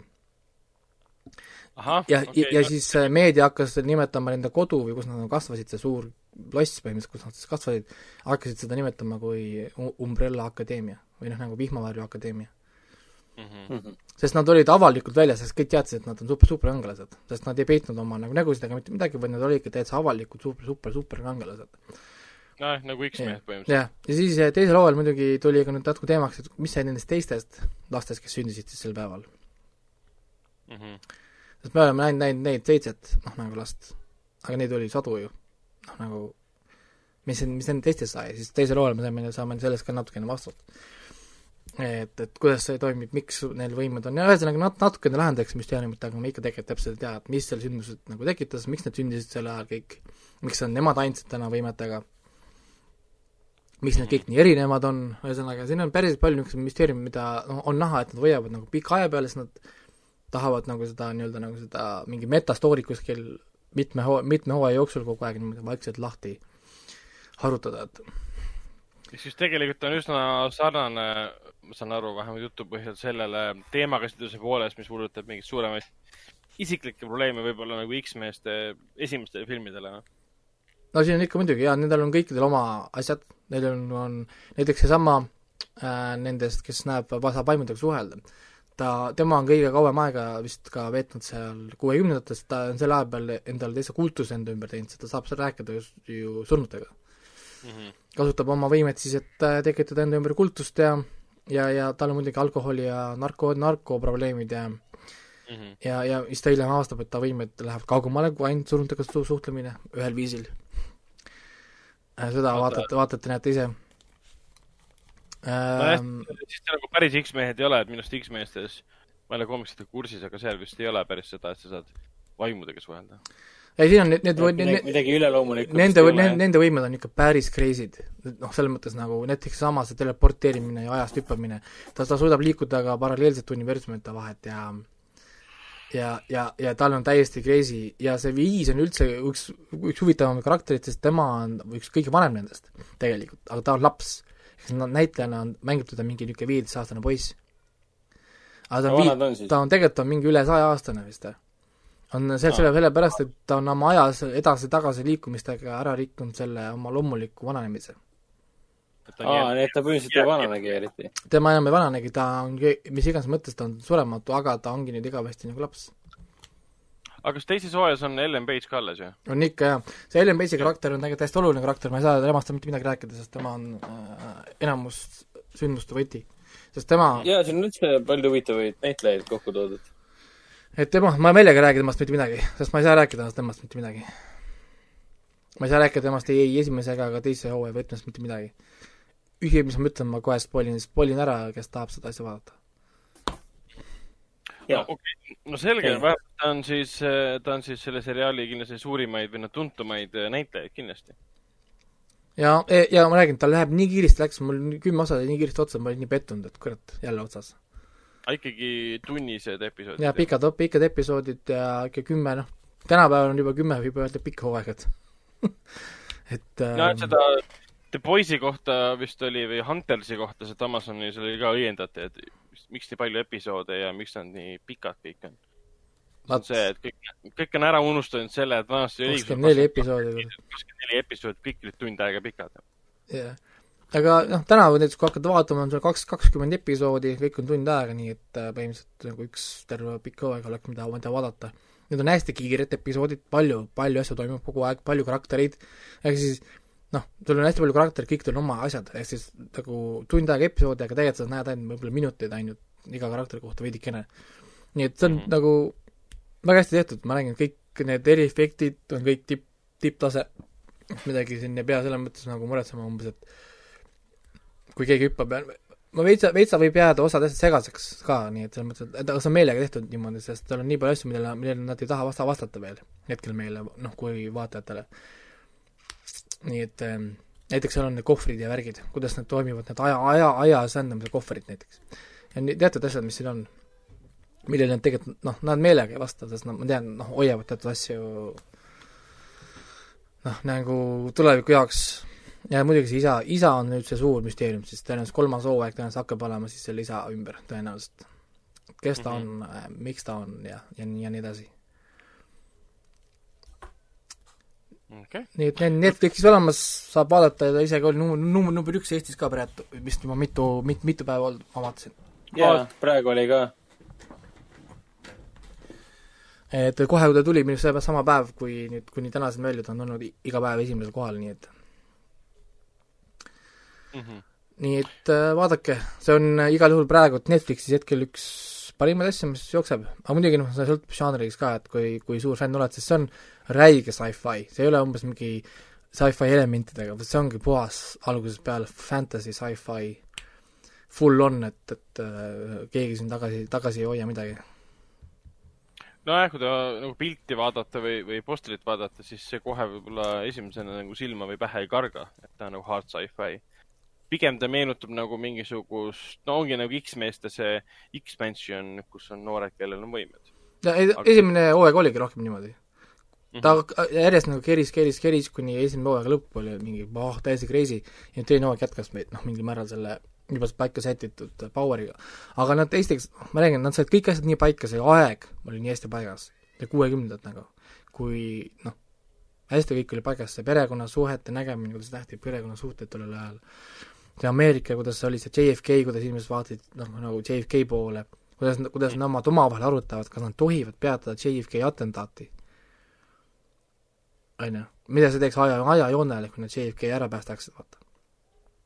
noh, teatud asjad nagu noh, seal on, on palju asju, palju, palju content'i, mida vaadata, nii et, et äh, igal juhul ma soovitan ja noh, praegu ongi, Whitney Cummingsit vaadake, kes tahab stand-up vaadata, kellel on, on ligipääs või kuidagi võimalus vaadata seda Comedy Centrali, vaadake Roast'e ja muidugi Netflixis siis äh, Umbrella Akadeemiat mm. -hmm no selge, aga siis äh, võtame soovitused arvesse. mina panin omale My Listi uuesti selle äh, Umbrella Academia ära, ma loodan, et ta nüüd kargab mulle silme ette iga kord, kui ma Netflixi tööle panen. Aga, aga räägime veel filmidest äh, ja seriaalidest, et me Hendrikuga siin vahepeal vaatasime koos päris mitu filmi ära. Nendeks olid äh, Bill and Ted, mis oli Excellent Adventure vist oli esimese osa nimi. Excellent, jaa jah, siis me vaatasime ära Deadpooli äh, uuesti, selles mõttes ma olen mitu korda seda vaadanud, endiselt fantastiline film. Bill and Ted esimene osa oli ka tegelikult, ma ei tea, miks ma alles nüüd nägin, see on ju mingi maailmakuulus stoner komöödia äh,. no äh, jah. Mulle ka väga meeldis ja. no muidugi ma... me vaatasime selle ära ainult sellepärast, et kolmas on ju tulekul, see Face the Music. teise see... osa peaks ka nüüd ära vaatama, see oli see and Ted's Bogus Journey. jah uh,. kolmas no,. kui, kui Veini, Veini maailmafilmid meeldivad, siis meeldib ka Bill and Ted. jah, nad on üsna sarnased sellele, kuigi, kuigi noh, Veini maailm tuli enne, kui ma ei eksi. mina, mina ei ole Billi ja Ted'i näinud, mitte ühtegi. aa, siis selle koha pealt, kas meeldib või ei meeldi, aga kuna seal on see Winters ja Keanu Reaves, kes tegelikult mängivad siukseid väga klassikalisi eh, tüüpe, kes tahavad teha bändi, kuigi nad ei oska mängida. Nende elud ei vii mitte kuskile, nende vanemad on neist pettunud ja nii edasi. ja siis ühel hetkel tuleb lihtsalt, äh, ütleme niimoodi, ulmeline element sisse, tuleb äh, müstiline mees teisest dimensioonist, ütleb, et Bill and Ted, te peate ühe asja ära tegema, muidu on kõik nagu mokas, mis puudutab maailma saatust ja siis Bill and Ted. see on sihuke eskapism nii-öelda, jah, ja Bill and Ted lähevad siis seiklusele, mille eesmärk on siis teha üks kindel asi ära, et, et kõik läheks nii, nagu ta peaks et on aga... nagu liht, lihtne film, aga kusjuures sa panid äh, mööda, sa vist ütlesid seda, et Wayne's World oli ennem või? nii. Äh, tegelikult äh, Wayne's World oli pärast. okei okay.. üheksakümmend kaks, et see Bill and Ted oli kaheksakümmend üheksa. Seda ei tunda küll tegelikult, et Wayne'i, ma olen Wayne'i maailma nagu eluaeg nagu näinud ju tegelikult, et sa tunned küll neid tuttavaid elemente nii-öelda ära no eks see Veini maailm oli äh, omaette ka, nii nagu Bill and Ted paroodia erinevatest äh, žanritest, et noh, Bill and Ted tegelikult ju ilmselgelt parodeeris veits, äh, veits ähm, Back to the Future filme näiteks kasvõi, kui ma räägin. ja muidugi ka Doctor Who'd, et see on nagu ilms, ilmselge referents nii-öelda Doctor Who'le on kogu Bill and Ted'i esimese osa keskne, keskne teema nii-öelda siis tegelikult, kui me võtame nüüd äh, selgelt läbi, millest äh, film räägib, siis tegelikult nad, sul on kaks tüüpi, kes äh, reisivad minevikku äh,. telefoni, telefoniputkaga. telefoniputkas, mis on ilmselgelt võetud Doctor Who'st ja sul on tüübid, kes reisivad minevikku erinevatel, ühel väga selgel põhjusel, mida ma ei taha spoil ida otseselt siis, ja teevad seal midagi. selle koha pealt sa näed nagu klassikalisi võib-olla võtteid kuskilt tuttavatest filmidest selle koha pealt, et äh, meil olid teadjamad inimesed, kes meiega koos seda filmi vaatasid, ütlesid ka, et tegelikult stuudio andis kasutada tihtipeale materjale omaenda näiteks sõjafilmidest, mida sai kasutada siis Billeteedi filmis. et neil polnud raha, et mingi päris sõjalahinguid nagu lavastada, siis nad kasutasid muud materjali, kus pandi kokku lihtsalt. mis on hea nagu äh, lahendus olukorrale. Aga jah, ta veits, eks ta meenutas seda, mis see oli, Blackaderi film oli kunagi, kus nad, ja läbi aja reisisid ja, ja Rowan Atkinsoniga. jah. et sellega on väga lõbus ja lõbus ja tore ja jällegi selline film, et miks ma alles nüüd teda nägin. ja sama võib öelda, sama võib öelda Candymani kohta, millest nüüd äh, mingi aeg tulevikus peaks tulema siis ka reboot. hetkel on selle kuupäev pandud Candyman oli ju, jumal, oktoobris või? äh, oktoober kaks tuhat ku-, tähendab, kuueteistkümnes oktoober kaks tuhat kakskümmend, kui see nüüd sinna kas muidugi ta nüüd sinna paika jääb, see, jah, seda me ei tea. aga algupärane, algupärane känd oli siis aastast, aastast üheksakümmend kaks. Virginia Madsen on seal peaosas, kes räigelt meenutab mulle muidugi äh, noorena eriti siis Sharon Stone'i. aga film ise. ja, ja Gillian Andersoni ka. Gillian Anderson oli ka, see oli suht, suht imelik oli vaadata seda niimoodi. aga Candymani suhtes see ei ole kindlasti klassikaline slasher, see ei ole kindlasti klassikaline üheksakümnendate alguse tüüpi slasher, kus on mingisugune poolkummituslik olend kedagi tapmas, ta lihtsalt ei ole seda.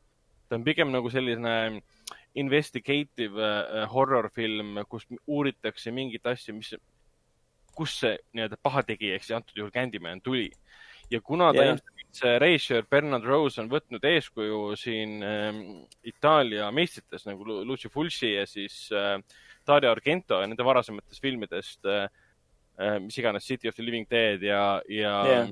Argento see, mis see, mis selle nii, ei Jennifer Connelliga oli äh,. uh,.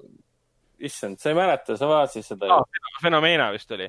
jah ja, ja,, ja, et selle koha pealt ta on hästi esteetiliselt ilus, tal on hästi ägedad kaadrid, võimsad välja valgustatud momendid, et iga hetk, iga kaader äh,, nende kohta ei saa elu sees öelda, et see on lihtsalt kaader, mis teeb mingi bänni, et me näeksime lokatsiooni.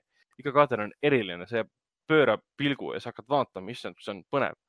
Ja lugu ise on tegelikult väga lihtne, sul on, on mõrv ja selle taga on väidetavalt äh, müütiline olend äh, Candyman, kelle kohta ei tahagi nagu väga midagi otseselt välja spoiletada, kui me tema kohta pikemalt hakkame rääkima, siis kaob see üllatus täiesti ära, mis filmis vastu vaatab. jah Aga-, sellepärast sa võid, muidu võib ju arvata, et noh, mis see Candyman ikka on, talle tehti minu teada, ma pole, järgesid pole küll näinud, aga minu teada on need teisejärgulised järjed nagu ikka. Naljakas fakt on see, et kolmas osa leiab aset äh, meie, meie praegusel aastal, mis Ah. teeb eriti huvitavaks selle uue soft seaboot'i, mis nüüd tuleb, mis on ka sellel tänapäevasel aastal. aga mulje võib väga lihtne jääda, sul on ju kuradi äh, Tony Todd äh, kuskilt orjaajastu tipust pärit äh, teemon, kellel on siis äh, käe otsas konks, käe asemel on konks. noh ilmselgelt on ta ju klassikalise äh, slasher-filmi kuripaha.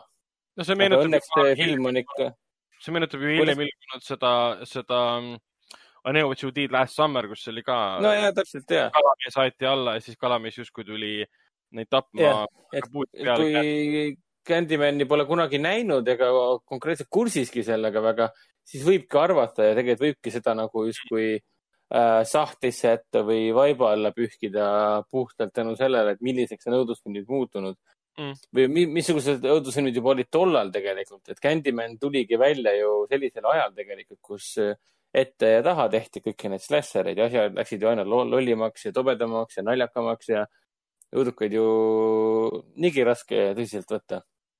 nii et noh, Candyman oli- väga omast aja sees ja ta oli väga tõsine film, surmtõsine film. Ja see oli kõige üllatavam aspekt, aspekt võib-olla tema juures tõesti. ja nüüd, kui vaadata seda, okei okay,, kahte järge ei pea vaatama, sest äh, need on põhimõtteliselt pole seotud sellega. aga kui vaadata seda uue filmi treilerit, nüüd ma saan uue filmi treilerist rohkem aru, miks seal on need elemendid sees, nagu näiteks see, et miks sul on peategelane, kes maalib midagi. et see esimene film selgitab ära selle, miks ta maalib seal midagi, miks on seal mesi ja mesilased ja kõik siuksed. jaa, täpselt. see, mul oligi see, et ma ei saanud sellest uue filmi treilerist nagu Jah. aru Kuigi-, aga nüüd, kui esimene on nähtud, siis on hoopis huvitavam äh, mõistatada, milliseid arendusi nad hakkavad siis selles uues nägemuses tegema Jah. kuigi see on endiselt veider, et, et nimi Candyman sellel, sellel, sellel olendil, kes tapab inimesi ja filmil endal on natukene veider. ta kõlab väga hästi, aga filmis konkreetselt on nagu üks stseen, üks kaader isegi, mis kaudselt ütleb, et aa, sellepärast on ta Candyman. aga üheski, ükski asi tema taustas umbes, kuidas see olend sündis, kust ta tuli, ei ole mingit Candymani teemat. ja see, et Jah. seal on kaudselt asjaga, no mi- otseselt on asjaga seotud nagu herilased, ka ei vihja sellele, miks, miks, miks, miks ta Candy on.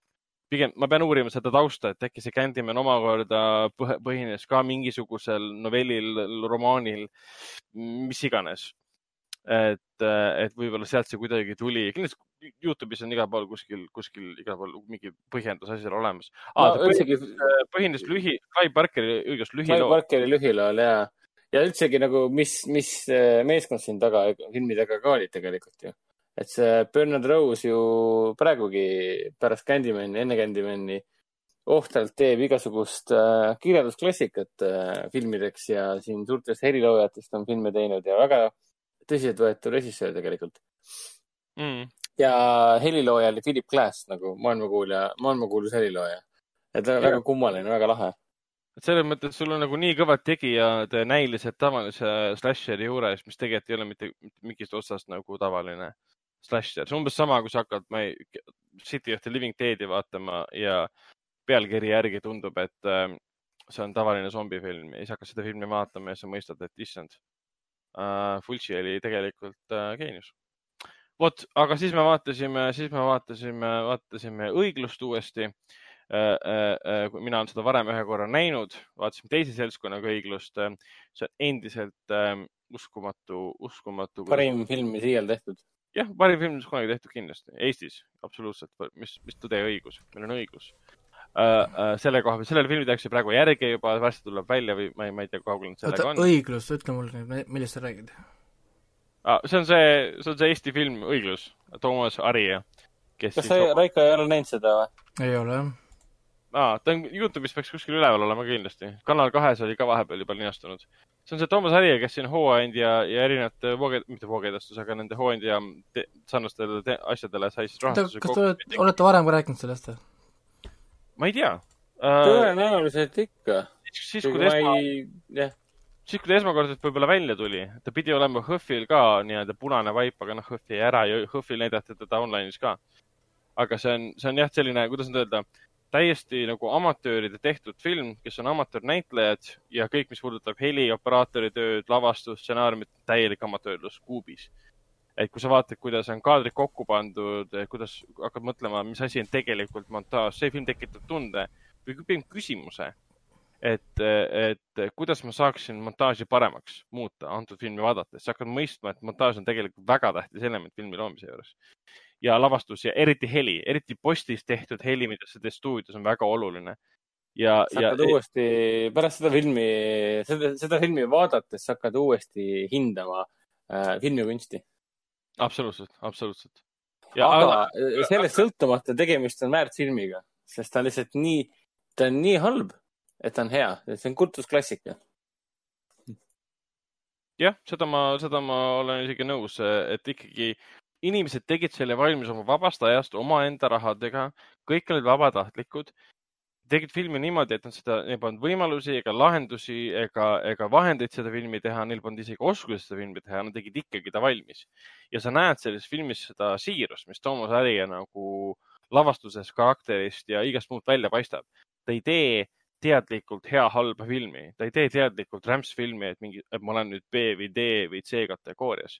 seal mõningad karakterid, sa näed, et nagu nä- näitlejad tähendab siis äh, umbes näitlejad niimoodi, et nagu nad teavad väga hästi, mis filmis nad on.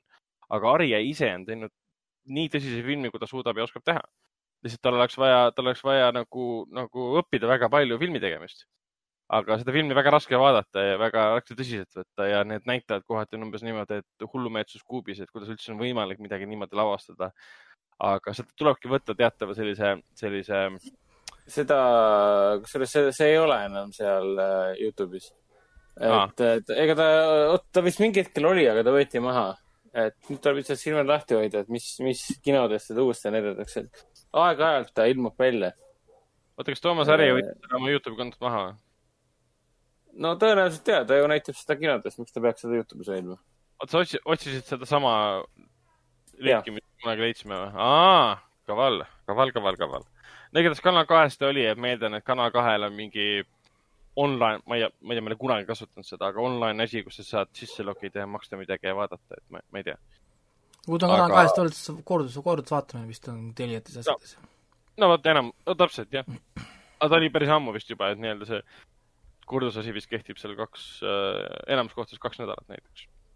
et kuskilt ikka saab, talle saab alati Facebooki kirjutada, ma tahaks oma filmi näha või, või selles mõttes hea on, hea on olla eestlane. vot äh,, siis vaatasime, vaatasime Konstantini Keanu Reaves jälle äh, film, mis põhines siis samanimelisel äh, koomiksil, mis äh, omal ajal sai tegelikult seerial. komiksi seerial jah, omal ajal, eks ju, kui ta kaks tuhat viis välja tuli, sai päris palju peksa fännidelt, et miks Konstantin on äh, brünett, miks ta ei ole blond, miks ta ei ole lõbus ja lahe miks, miks ta ei näe välja nagu Sting, kes kannab Hawaii särki? jah, sest hiljem tuli ju seriaal välja, mis, mis, kus näitas, et tegelikult, ma ei mäleta, kes see teda mängis seal. Matt Ryan. Matt Ryan tegelikult fantastilise rolli tegi, siis me nägime seda Konstantini sellisel kujul, nagu fännid seda tahavad, aga tegelikult see Aga, ka, aasta Konstantin ei ole üldse halb film, see meeldis mulle toona ja see meeldis mulle nüüd ka. muidugi me vist ei mäletagi, millal me seda siis viimati tegelikult nägime, et täitsa, täitsa, no ta on umbes nii ammu nähtud, et äh, täitsa huvitav oli seda uuesti vaadata. et mm. vahel, vahelduseks on hea uuesti vaadata ka filme, mida sa reaalselt ei mäleta enam. Absoluutselt noh, Konstantin on äh,, kõige ägedam on see, et Konstantin on nagu hullult hästi säilunud ja ta on nagu, vaatad seda ja vaatad seda kuradi režissööri tööd ja seda äh,, seda lähenemist nagu visuaal, audiovisuaalset lähenemist kogu sellele teemale. Äh,. siis nagu Francis Lawrence, kes on siin vahepeal ju Will Smithiga Mina olen legendi teinud ja siin äh, Jennifer äh,, issand, ta ei näitle enam, ma ei mäleta tema nime, Jennifer äh, Lawrence'iga teinud siin neid äh, Hunger Games'e ja värke. no issand, jumal, Lawrence pole nii ammu näidanud, et mul läheb ta nimi meelest ära. mõtle, Jennifer Lawrence'i see maania on kadunud. jah, et äh, Francis Lawrence on nagu huvitav režissöör, ta alustas ju nende muusikavideode lavastajana. et Mm. mõni, mõni ime, et tal on väga hea silm tegelikult äh, sellele, kuidas tegelikult äh, mingile teemale läheneda visuaalses mõttes ja, ja Konstantin on nagu täielik silmakomm. et äh, muidugi ta on väga niisugune, kuidas nüüd öelda, traditsiooniline kristlik lähenemine põrgule ja taevale, et kohati nagu, põrgu on hästi cool as hell muidugi. aga kui tuleb mingi taevatseen, siis on tõesti selline tunne, et vau wow,, see, this is too Christian for me, for me.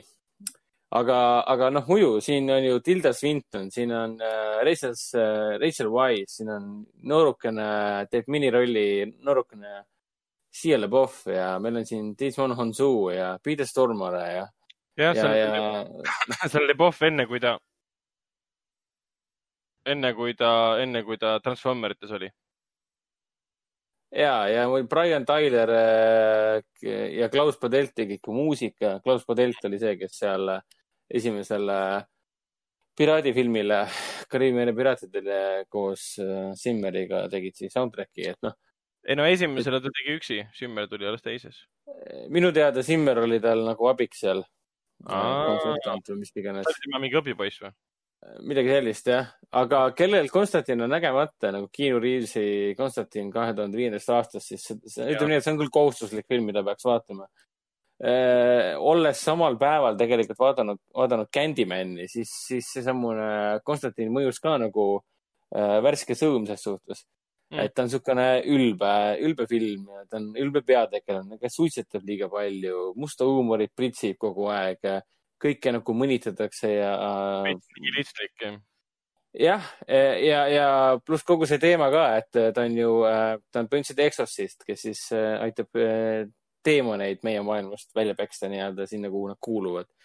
aga kuna see on tema igapäevatöö, siis tema suhtub sellesse nagu iga suvaline filmnoiri detektiiv, paneb koni ette ja annab tüübile peksa ja viib ta nii-öelda sinna, kuhu ta on, tal on kähtud ära viia ja ongi tehtud, päevad on tehtud, lähen koju viskit jooma, et noh, see on väga cool, nii et äh, jaa, Konstantin on tõesti, tõenäoliselt mõne aasta pärast vaadatakse uue, veel uuesti, et kahju, et ta oli mul täitsa meelest ära läinud. jah, ja, ja kindlasti ta ei ole tavaline film ka, et seal samamoodi nagu Candymanil on väga konkreetselt valitud kaadrid, väga konkreetne valgustus, väga huvitav valgustus, alati sa jääd vaatama neid kaadreid. Pluss seal on väga hea klubitsejang, kus kasutatakse Perfect Circle'i lugu Passive, mis on üks Jaa. parimaid viise, kuidas kasutada äh, Perfect Circle'i muusikat, miks mitte. vot äh,, siis me vaatasime, siis me vaatasime koos, vaatasime Norsemani esimese hooaja episoode, fantastiline seriaal, kuigi me oleme sellest äh, siin ka pikemalt juba äh, rääkinud äh,, siis me sattusime jah, jah, tegelikult oleme no naljakas on see, et äh.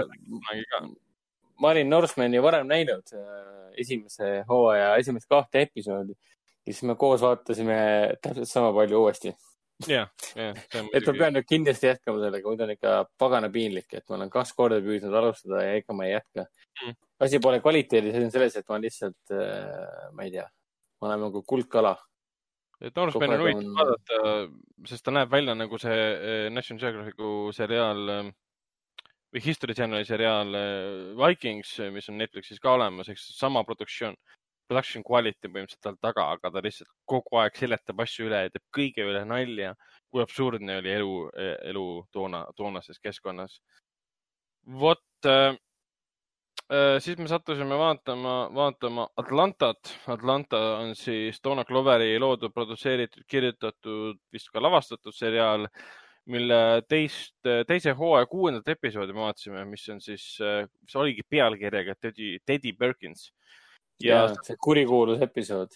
jah, see on see episood, millest, kui ta välja tuli nüüd ähm, eelmine aasta äkki siis äh,, millest väga palju räägiti, sest Donna Glover mängis seal põhimõtteliselt, see on veits valetamine küll, aga noh, ütleme niimoodi, et näiliselt mängis seal valget, valget härrasmeest. Ehk siis talle tehti, noh, nägu muudeti täiesti ära ka, et sa ei tunne Donna Gloverit seal üldse ära.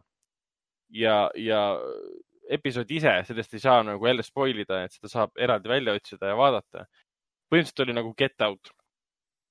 kuigi Get Jah. Out'i äh, äh, võrdlus või paralleel ei spoilida seda antud episoodi ära teiste lahendustega.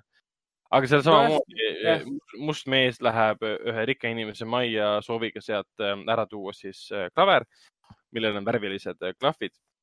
ja, aga ta mitte kuidagi ei saa sellega hakkama, sest seal on üks, üks, üks valg, näiliselt siis valge mees, kes äh, on hästi kummaline, hästi vaikne, elab nagu vampiir, ajab imelikku juttu ja, ja ta on hästi kaua tema juures on, pluss tal on hästi kummaline nägu, nagu oleks ta seda äh, plastilise kirurgia abil nagu meeletult, meeletult muutnud. ta on lubivalge. Ja ta näeb kui võigas, võigas välja. ja see on samamoodi Get Out'il sarnane stseen, kus ta helistab oma sõpradele. sõprade seas on siis Donna Clover ka, kes on tegelikult Atlanta, nagu ma aru saan, üks peategelasi. ma ei ole Atlantat ise vaadanud selle koha pealt, ma teengi järeldused praegu selle ühe episoodi põhjal. kuigi peaks, sest Donald Glover on lahe ja see sari Jah. peaks väga, väga, väga tore olema. jah, muidugi kiidetakse seda püsivalt. ja, ja selle episoodis on täpselt samasugune koht, kus ta helistab sõpradele, et ma olen siin majas, kus on üks valge mees, sõbrad põhimõtteliselt ütlevad talle, et aga mine ära, sa saad surma äh,. miks sa siin oled, siin on kõik veider, et sa oled must mingi rikka valge mehe juures, mis sul viga on, mine ära.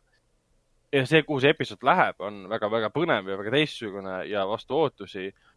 pluss ta on väga ilusasti, ilu, ilusti lavastatud, ta on väga creepy nagu Get Out kohati, väga klassikaline nagu mingi Hitchcocki triller põhimõtteliselt ja, ja ja ää- ääretult hirmus asi ses suhtes. mitte, mitte sellepärast, et tal on midagi vägivaldset toimunud, vaid sellepärast, et see kõik on nii kõhe. lihtsalt ko- kohutavalt kõhe. et soovitame kindlasti ära vaadata selle. jah, ja siis äh, sattusime vaatama ka siis, kui ma ei eksi nüüd, seitsmekümnendatest pärit äh, Rambo animaseriaali. tuleb välja, et Rambost äh, on olemas äh, animaseriaal äh, mis on hämmastav selle koha pealt, et Rambo on tuntud kui hullumeelne tapja, kes tapab roodade viisi inimesi.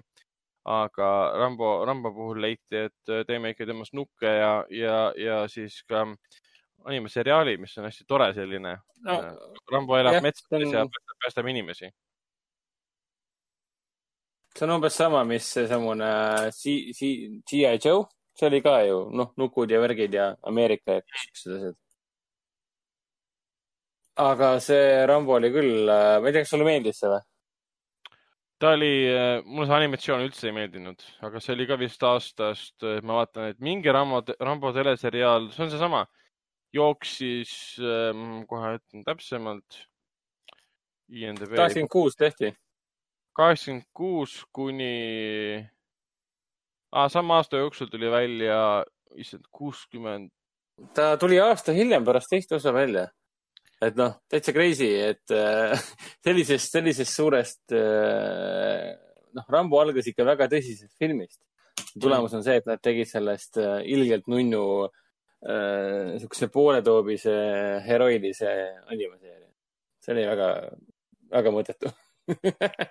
see oli ikka täitsa, täitsa huvitav selle koha pealt, et äh, teises osas ta läks ju Vietnami, tappis seal rodudiviisi inimesi ja kolmas oli jälle Afganistan ja neljas oli see Birma ja viies oli siis äh, Mehhiko ja nii edasi.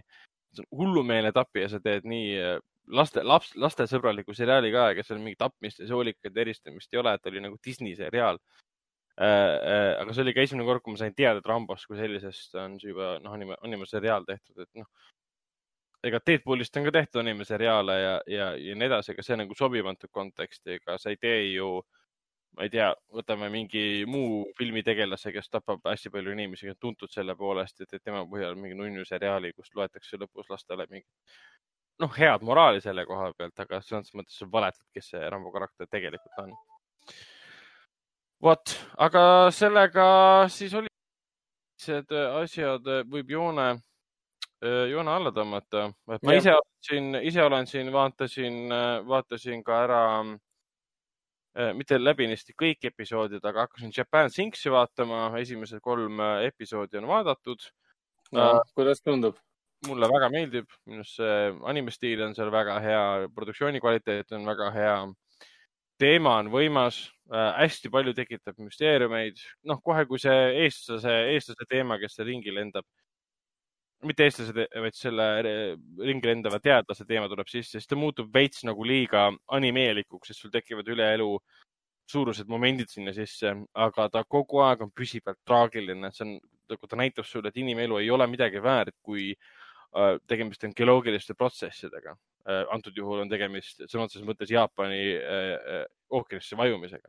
kogu arhipelaago vajub sisse, et see on nagu täiesti võimas vaatepilt selle koha pealt ja kuidas lihtsalt inim, inimkehad lihtsalt nagu väänlevad ja kohe nagu see on nagu, nagu kõikide eh, majade eh, hävinemise rusude all ja kõik see, et see on ikka ja ta ikka surub sulle kogu aeg seda peale, et mitte keegi eh, ei ole eh,, kuidas öelda, tegelastel ei ole plot armorit ehk siis loo eh, rüüd, mis neid kaitseks ainult sellepärast, et nad on tegelased, et seda päris palju ikka esimese kahe episoodi jooksul surutakse peale no,. ma usun, et nad meelega kaotavad mingid tegelased ära, et hiljem neile plot armor uutele nagu peale panna. aga, aga veits on küll see, vau, see anime ei ole kindlasti lastele, sest seal juba, ma ei tea, päris korralikku trauma tekitab nii Mart noorematele. ja olen äh, vaadanud ka Community't, taaskord hakkasin edasi vaatama. endiselt mulle meeldib, mul on teise hooaja juures ja, ja see ongi kõik. rohkem ma ei ole midagi vaadanud. praegu vaatan seda Japan Singsi treilerit ka, et Raiko rääkis ka sellest nii hästi, et ta näeb Ei. nii hea välja ka, ta näeb nii sobilik välja sellisele teemale äh,. animastiil siis. oota, oota, Ragnar rääkis selle ära või, selle Japan Things, et ma korraks, korraks käisin eemal. ta vist ja, äh,, vend on vist vaadanud sellest äh, poolele peale äkki või? Ma vaatasin temast ära kolm episoodi nii, aa, okei. ja mulle väga meeldib, ta on, see animestiil on hea ja see produktsiooni kvaliteet on hea.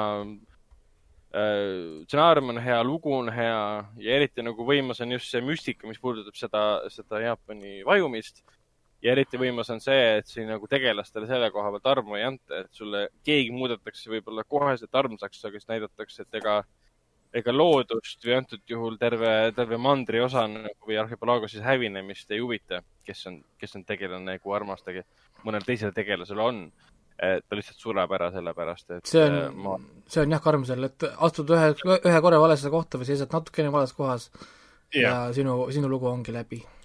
see oli ikka väga karm, juba selle nais, naispeategelase selle tütre teema, et kuidas ta, mis tema klassikaaslastega juhtub näiteks, et juba see oli umbes niimoodi, et mida ma praegu vaatan, et see ei ole, see ei ole see anime või selline lastele kohe kindlasti mitte, et see on tekitanud päris korraliku trauma, ma arvan, kui nad saavad aru, mis toimub ekraanil. jah, aga sellega minu asjad lõpevad, kas Hendrik tahab midagi veel lisada? Äh, Pole vist otseselt midagi, räägiks kinofilmidest äkki. aga okei okay., räägime siis ähm, kinofilmidest, mainime ära, et nüüd siin seitsmendast ähm, augustist äh, alustavad Eesti kinodes siis äh, Dave Franco lavastatud, antud juhul Foorum Cinemas kinodes siis, Dave Franco lavastatud õudusfilm äh, Puhkemaja, The Rental, kus siis löövad kaasa ka Dan Stevens ja Alison Brie. ja Alison Brie, kes on muidugi Community's.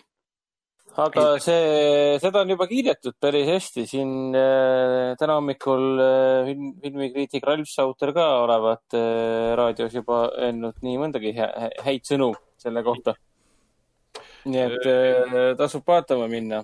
mina ei ole veel jõudnud, aga väga tahaks. Mm -hmm.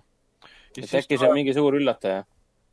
no ma loodan ka, et temast on äh, palju kirjutatud ja Dave Franco on huvitav äh, kuju ka. James Franco vend ikkagi uh,. nii uh,. jah, see on tema ainuke väärtus. ainukene, kõik mu-, muud, muud mitte midagi ei ole. ei ole jah? no jah, okei, nii. see alustab kinodes veel Vene ähm, põnevik õudusfilm Keelutsoon äh,. siis alustab ka Austraalia äh, draama äh, Piimahambad äh,, Baby Teeth kus me peaosades näiteks näeme siin Essie Davist äh,, keda me oleme siin viimasel ajal näinud äh, näiteks Babadookis, kus ta tegi fantastilise ema rolli ja History of Kelly Gang, Kelly Gangi tõeline lugu, mis oli ka siin vahepeal meie kinodes enne, enne koroonaaega veebruaris, kui ma ei eksi, kus ta mängis ka äh, ema, ema karakterit. aga lisaks on meil siin veel Eliza Scanlon, kes mängis siis äh, Betty, spoiler, ehk siis Bett, kes sureb ära ähm,. Väikestes naistes.. ja siis muidugi meie kõigi lemmik Ben Mendelson, kes siin vahepeal on äh, tääbinud ennast siin Marveli filmidesse, aga tema parimad äh, rollid on ikkagi äh, ütleme, kuidas nüüd öelda, sügavad karakterirollid, kus me räägime siin Andrew Dominicu Killing Them Softly'st või, või siis räägime HBO seriaalist ähm, The Outsider, et tal neid äh, teisi rolle, mis ei ole Marveli filmid, on palju.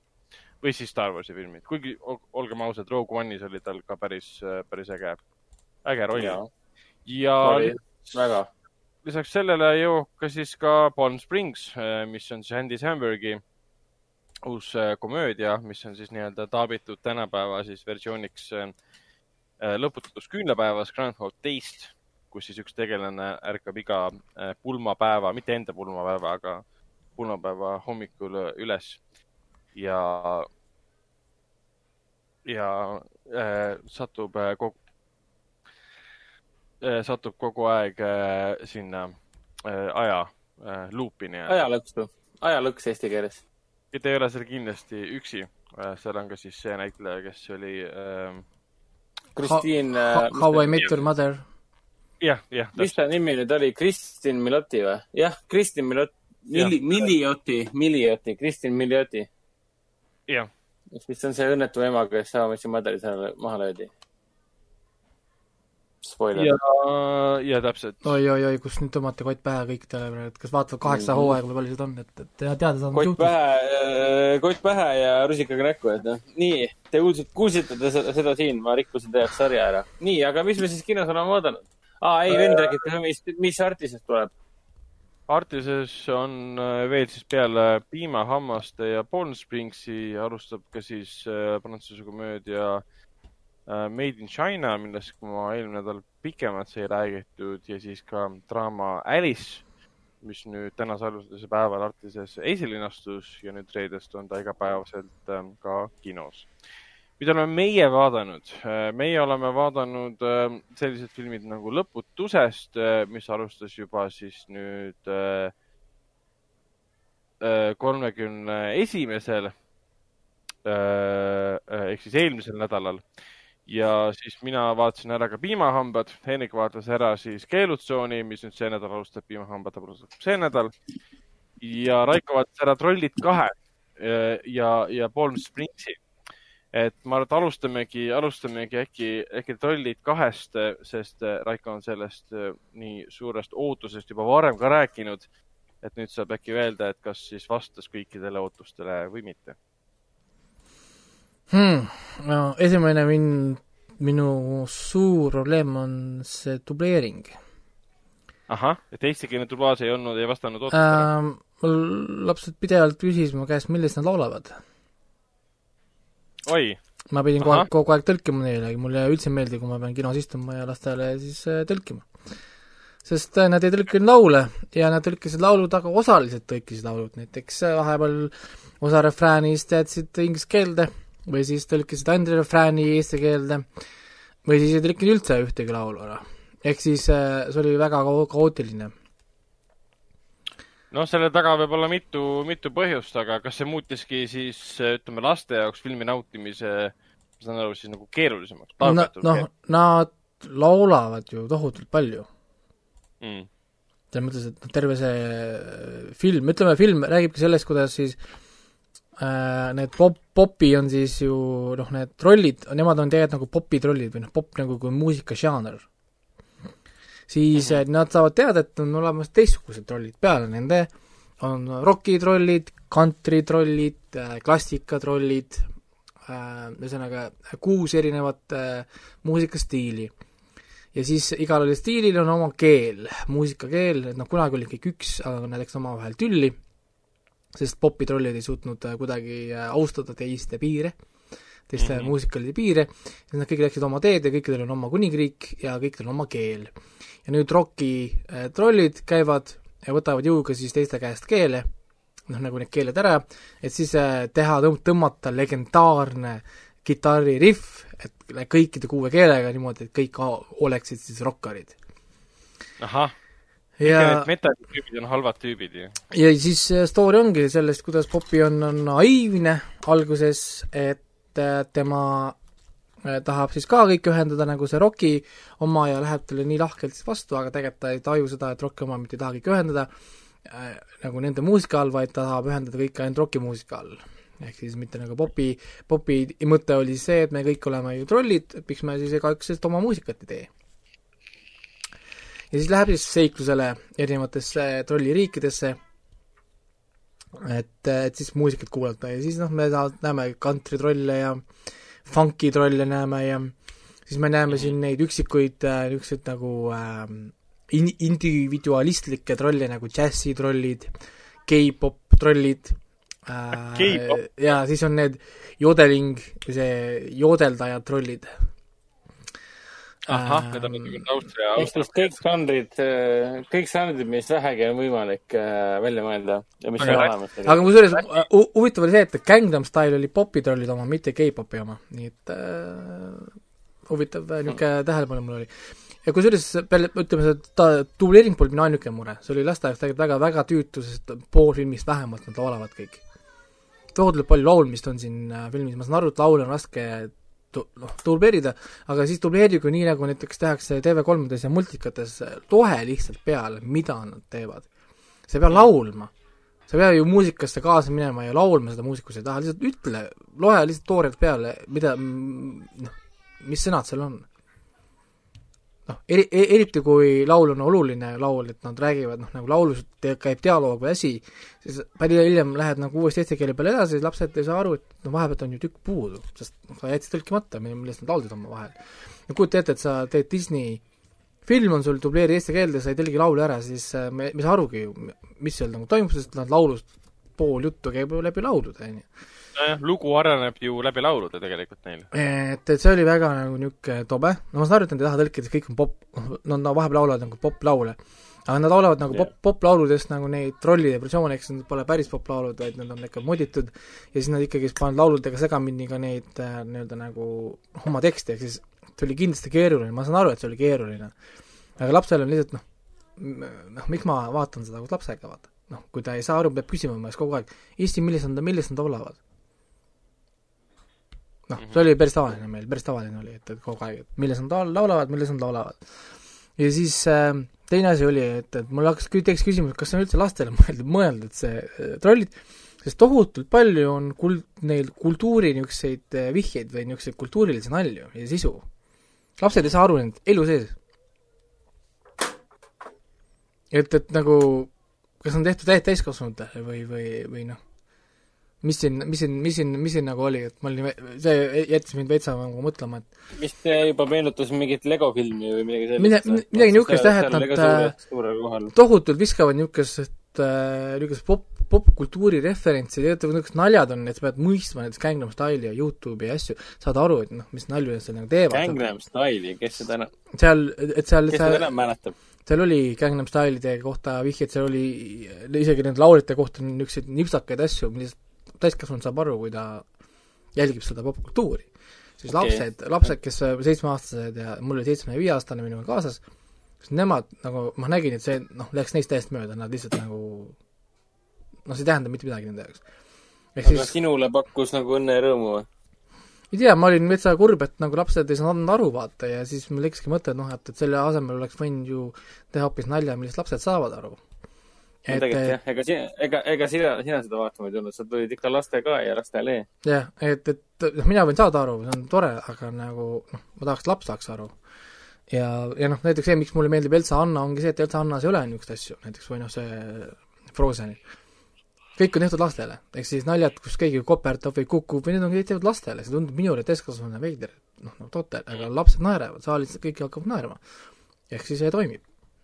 Mul oli Sipsikaga samamoodi, minule täiskasvanuna olid väga paljud asjad kohati igavad, lapsed ikkagist äh, naersid ja teadsid, sest see oli tehtud nende jaoks. no absoluutselt. et siin trolli, trollide puhul minul mõte oligi, et kas nad proovisid võib-olla siis, ma ei tea, leida seda keskteed, et mu täiskasvanutele ja lastele või, või kuidagi, aga nojah, see on see võib-olla, mida nad ootasid äh, kriitikute vastuvõtult, et äh, vanematel on ka lõbus või lastevanemate reaktsioonist, et vanematel oli ka lõbus vaadata seda filmi koos oma lastega. Võib-olla midagi sellist ootasid, aga, aga noh, minu, mina olin ikka niisugune, et noh, mind hakkas häirima see, et ma, noh, ma räägin, mina pidin tõlkima, see mulle üldse meeldinud, sest noh, me peame kinos esiteks rääkima, on ju, noh nagu ja, ja teiseks noh, see on tobe. tea, noh, muidugi nemad ise ilusti väitisid ja ütlesid, et, et nemad on rahul äh, multikaga, on ju. kuigi jah, ma nägin, et neil ei olnud sellist äh, noh, nagu muidu näiteks muidu, kui me käime näiteks multikat vaatamas kinos, käisime tähendab, sest ma pole nüüd ju käinud enne koroonat, viimati käisime äh,, siis need olid ikka noh, päev otsa ikka rääkisid sellest noh, multikast ja nad olid noh, nagu väga excited ja tahtsid noh, igasugused noh, ühesõnaga no, nägid, et see läks neil väga hinge. trollidega oli nii, et me jõudsime koju, nii kaua kui ma Tallinnast äh, Keelesse sõit sõitsin, neil juba oli see nagu üle läinud Mhm. Ehk siis äh, kodus äh, ema küsis siis nende käest või noh, nagu et, et kuidas siis oli, oh, väga, väga tore oli. istusid, hakkasid oma Minecrafti mängima ja läksid oma Youtube idesse veel õue ja ühesõnaga oli tegelikult näha, et, et väga neid tegelikult ei huvitanud. midagi meelde ei jäänud, seal ei jäänud nagu korduvad elemendid, mida tihtipeale, kui lapsed vaatavad filmi, jäävad. et neil ei olnud sellist jah, niisugust nagu lapselikku niisugust erutust ei olnud, näiteks hea näide on, kui me vaatasime Rainiga Power Rangersi filmi, ta jooksis mööda maja ringi, tegi neid, viskas neid asju, jooksis emme juurde, kas nägid seda, mida see draakon tegi, saad aru, jooksis, käis mööda maja ringi, vehkis, tegi oma neid transformation'id või asju, noh, saad aru, niisugused nagu noh, mida lapsed nagu teevad, kui, kui neile asjad nagu väga meeldivad, siis äh, trollidega ma nägin, et, et neil jäi niisugune noh, midagi jäi nagu puudu ja mul oli endal samamoodi, et vaatasin filmi ära ja olin niisugune nojah, et, et ei olnud see, mis ma ootasin. Teise esimene täitsa osa veider tõ- tõdeda, et Power Rangers on äh, lastele meelepärasem kui Trollid kaks. no jah, sest see on tehtud jälle lastele, sest mina ei, mul on selline tunne, et see Trollid kaks on kuidagi pro- proovitud midagi kas teistmoodi või nad on noh, ei olnud sellist nagu, nagu no asja. ja muusikat tuli ka tohutult palju, siis ma saan aru, et Trollid ongi muusikaline see, aga näiteks kui esimest osa vaatad, esimene osa on hoopis, hoopis teistmoodi, hoopis teistsugune tempo, hoopis, kõik on hoopis hoopis teistmoodi. Ja ma mäletan, see oli väga hea ju. ja ongi, esimene osa neile väga meeldib. jaa, mulle täitsa meeldis. me oleme ka vaadanud seda päris palju ja, ja, ja noh, igatpidi, ma ei tea, igast võimalik seadmest oleme vaadanud seda esimest osa ja, ja noh, aga teist osa nad tõenäoliselt uuesti nüüd ei küsi ka, kahjuks. ja, ja noh, seesama põhjus kindlasti, et nad ei saa aru ka, sest laule ei tõlgita. nojah, noh, kõik filmid ei saagi olla Frozen või, või Frozen kaks ähm, hitid kohe laste seas ja täiskasvanute seas ja nii edasi. eks see Trollid juba algusest peale oli ju tegelikult film, mis ei tehtud lihtsalt mingite mänguasjade põhjal, et sellest ma üldse ei oodanud midagi, aga esimene osa tegelikult tõstis selle lati nii-öelda kõrgele. no esimene osa oli väga kvaliteetne, seega on imelik kuulda. No ma käisin ka tütrega vaatamas, esimene oli tore, lõbus ja talle meeldis väga, on, meeldis mingid asjad ja Ei, väljateed. kui, kui Indiat panna, siis esimene oleks niisugune üheksapunktine, siis teisele ma annaks mingi niisugune kuus, viis, viis, viis, viis ja pool. sest äh, vigu on liiga kerge leida, noh, nii kiiresti leiad nagu vigu. muidu võib-olla kui vaataks võib-olla inglise keeles vaataksin, üksinda vaataks, võib-olla hindaks natukene paremini, aga kuna sihtgrupp on lapsed ja nägin, et neil, neid see ei huvita või läheb neist mööda, siis see filmi eesmärk kindlasti ei saa olla täidet, täidetud, et mm,. seda küll. et, et selle koha pealt äh, jah, ole, ei ole rahul äh,, aga noh, nii palju olid ikkagist, et me äh, kinole, kinole siis tegime seal käivet, sest mu lapsed ostsid kilodiviisi kommi ja popkorni ja juua ja ostsime neid äh, trollide topse sealt ja ja, väga head, lapsed on sul. ja, ja sain ikka, ikkagist äh, oma kuradi saja eurose arve kätte sealt, et et, et tahaks käia kinos kunagi niimoodi, et saaks, ma ei tea, all viiekümne euro näiteks, ma oleks juba väga väga õnnelik. Plaza's lasas jah. aga no nendel on ju see, et nad tahavad ju osta lihtsalt asju, ehk siis lähed alla, võt-, ma lubasin teile, võtame paar kommi mm. -hmm. võtame paar kommi siit, paar kommi siit, paar kommi siit, paar kommi siit, paar kommi siit, võtame natukene kismetit ka-, nii see võtame natukene seda, võtame kokku, võtame morssi, ah, popkorni oli ju ka vaja, vaata, võtame seda ka. oota, on see nüüd popitopsid ju. Seda on ju ka vaja osta, on ju. jah, Need olid erihinnaga ka veel ju. nojah, et äh, seitse euri tükist oli või, ma ei mäleta. ja, ja, ja noh, ega ma ei hakka keelama ka, selles mõttes nad pole ammu kinos, kino, kinos käinud, et äh, las nad siis oota, võtavad. kas see, millal sa viimati nüüd enne seda kinos käisid üldse? käisingi enne koroonat. aa, ehk siis minu viimane kinos käik oli äh, see Onward, aa jaa, Onward edasi, ja, ja, ja, ja ehk. siis mina olen vaadanud nüüd järjest kinos äh, multikaid ainult. Onward ja nüüd vaatasin Trollid. aga noh, selles mõttes, et ma vaatasin nagu ära ja, ja äh, noh, meiega koos oli veel kinos äh, perega, noh neid äh, lapsi, lastega peresid samal ajal ja mina ei tea, niisugune väga rahulikult vaadati, ei olnud väga mingit ex- excitement'i asja, põhiline asi oligi, et äh, vanemad tellisid siis lastele natukene siit, siit ja sealt, mida nad siis laulavad kui oli mõttetu laul, siis ma just ütlesingi, et see laul on tähendusetu, noh, tal ei ole mingit tähendust, nagu see Gangnam Style näiteks on ju. aga, aga noh, seal oli laule küll, mis tegelikult tähendasid päris palju. siis ma vaatasin ära selle äh, Palm Springs, Mhm. Mis on siis äh, Andy Sambergi komöödia. see on nüüd see võiks olla siis selle aasta parim komöödia või? see on üks kiidetumaid filme üldse, mis praegu vist kinno on jõudnud, kõik siin Rottenid, Metacriticud, IMDB-d, mis iganes kriitikute arvamusi koondavad lehed on seda ja isegi kus on siis audience score'id ka, on seda igatipidi taevani kiitnud. ma, ma olen, nõus, üheksa punkti film äh,, easy. Ja asja moment oli tegelikult see, et, et ma läksin nullootustega enne seda vaatama. mina mõtlesin, see on jällekordne Andy Sambergi see ranting komöödia, mis tal on, tema see, tema nagu stiil, kus ta lihtsalt te- teeb sellist äh, piinlikut ränti, mis ei lõpe ära, vaid jääb ainult piinlikumaks ja piinlikumaks, on ju. nagu kuigi mingi, ega Andil ei olegi viimasel ajal väga palju kinofilme olnud, et no teeb oma seda Brooklyn Nine-Nine'i teeb, et äh, Brooklynile jah, keskendub. mina, mina ei ole selles fänn, esiteks ma ei ole Brooklyn Nine-Nine'i fänn, ma vaatasin ära neli või viis hooaega vaatasin ära, siis ma rohkem ei viitsinud. kuidas ma olen väga, ma olen väga suur fänn. Nad hakkasid kordama ennast veitsa, et see- sellepärast mulle enam see ei, ei istunud, et aga kas sa Okei, seda. Sandbergi, Sandbergi seda, seda Lonely Islandi paroodiafilmi nägid või? see Popstar, Popstar. oota, mis asi? Popstar Never Stop. jaa, jaa, vaatasin ja, ja seda ma vaatasin ka, jah.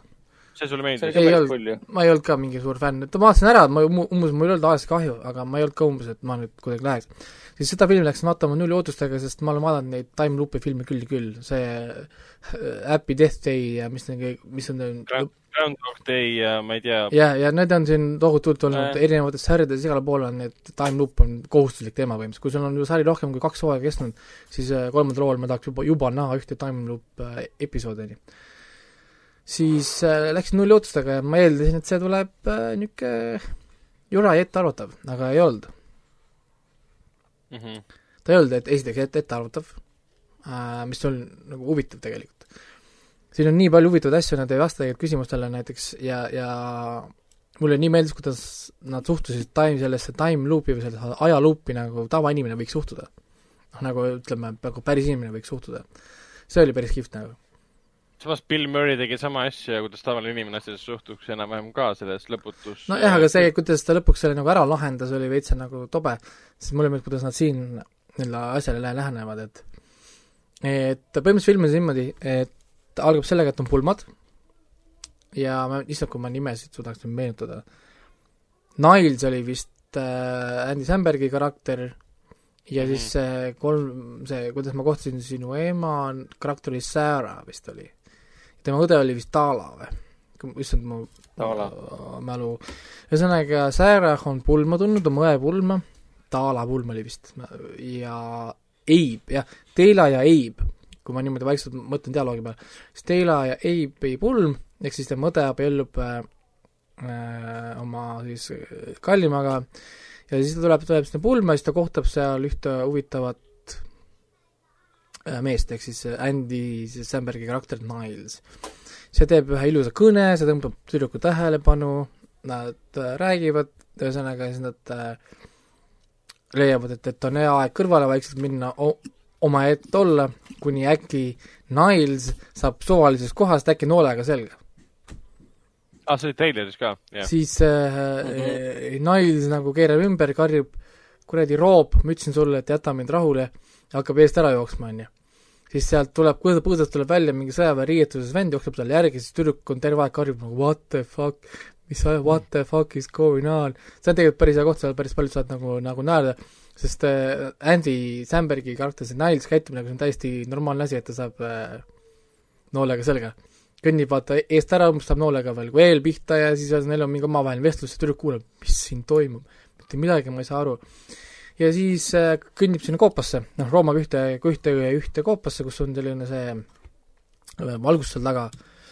ja siis ta ütleb tüdrukule, ära tule mitte mingil juhul siia ja järgi. tüdruk muidugi läheb järgi, sest noh, millal veel naised kuuleks, mida mehed, mehed ütlevad, on ju. Mm. ja okei. ja ja läheb, läheb siis talle järgi ja ärkab üles sama päeva hommikul. Nii nagu iga, iga klassikaline time loop film, et jah yeah., ärkab üles, siis ta läheb sellele Nilesile või noh, Andy Sambergile käte kallale, mida sa tegid minuga? siis Andy, Andy Samberg rahutab rahu, õlut, aa, täna on äh,, täna on täna, eile oli täna, homme on täna, iga päev on täna. ja, ja siis tüdruk, mis mõttes, noh, see on see klassikaline time loop'i thing, mida sa oled kindlasti kuulnud ju. ütleb, üt-, ütleb selle tüdrukule ja siis see tüdruk, tüdruk hakkab seal katsetama ennast igatviisi, kuidas sellest saada välja, Andy Samberg käib kaasas ja lihtsalt joob mõõduti, tšillab, tšillib. tüdruk proovib ennast ära tappa ühtepidi, teistpidi, otsib igasuguseid viise, kuidas sellest saada lahti, siis see Andy ütleb talle kogu aeg, ei, ma olen kõike ammu proovitud, aga noh, tee, tee ise. eks sa siis katseta, vaata. mulle nii meeldib, kuidas nad sõidavad autoga ja siis see tüdruk, ma sõidan, vaata, söö meid surnuks maama, siis saame siit välja. siis Andy Samberg teeb selle äh, turvavöö lahti endale, paneb pea sinna õhupuu padja peale, küsib, et noh, et mida sa teed, oh et ma sureksin kiiremini, sest äh, olen olemas selles, et me ärkame hommikul üles, valu on ikka päris tõeline, et et, et, et see, et see, noh, et sa ei taha seda, et sa jääd kuskil mingi pool ellu ja kuskile äh, sinna ja, ja, ja piib, nagu noh, piinlema, et pigem juba siis kiiresti ära nagu lõppeda. siis see naine teeb ka turva, turvavöö lahti endale, olgu, proovime siis nii. sõidavad siis rekkale vastu ja ärkavad hommikuti ülesse ja ja hakkab niisugune seiklus pihta neil siis omavahel. Et siis Andy nüüd lõpuks pole nagu üksinda või noh, nii-öelda nagu ehk siis tal on nüüd kaaslane, kellega siis selles aja luubis siis olla lõksus. tüdruk proovib saada infot, aga huvitav ongi näiteks see, et see Niles ei anna üldse enda tausta. Niles ei räägi Okei. mitte midagi oma elust ja hiljem selgub, miks, ta enam ei mäleta oota, kuna ta on nii pikalt olnud ta on nii kaua olnud, et enam ei mäleta, mis oli elu ennem seda, kui ta sinna ajalõksu jäi. See läheb juba spoilerite territooriumile muidugi, aga see on päris huvitav asi, mis praegu välja tõi. sellest ei sellest ei tohiks tegelikult rääkida. okei okay,, no siis ma siit rohkem ei räägi. ma, ma lähen Aga- ma, ma lähen seda homme õhtul kell kümme vaatama okei okay,, et siis ma rohkem ei ütle mis sellega seoses on, aga jah, ta me, meie, meie jaoks film algab nagu sellest hetkest, kui Sarah tuleb, aga me tegelikult ei teagi, kui kaua on juba olnud see Nile selles äh, aja nagu luubis.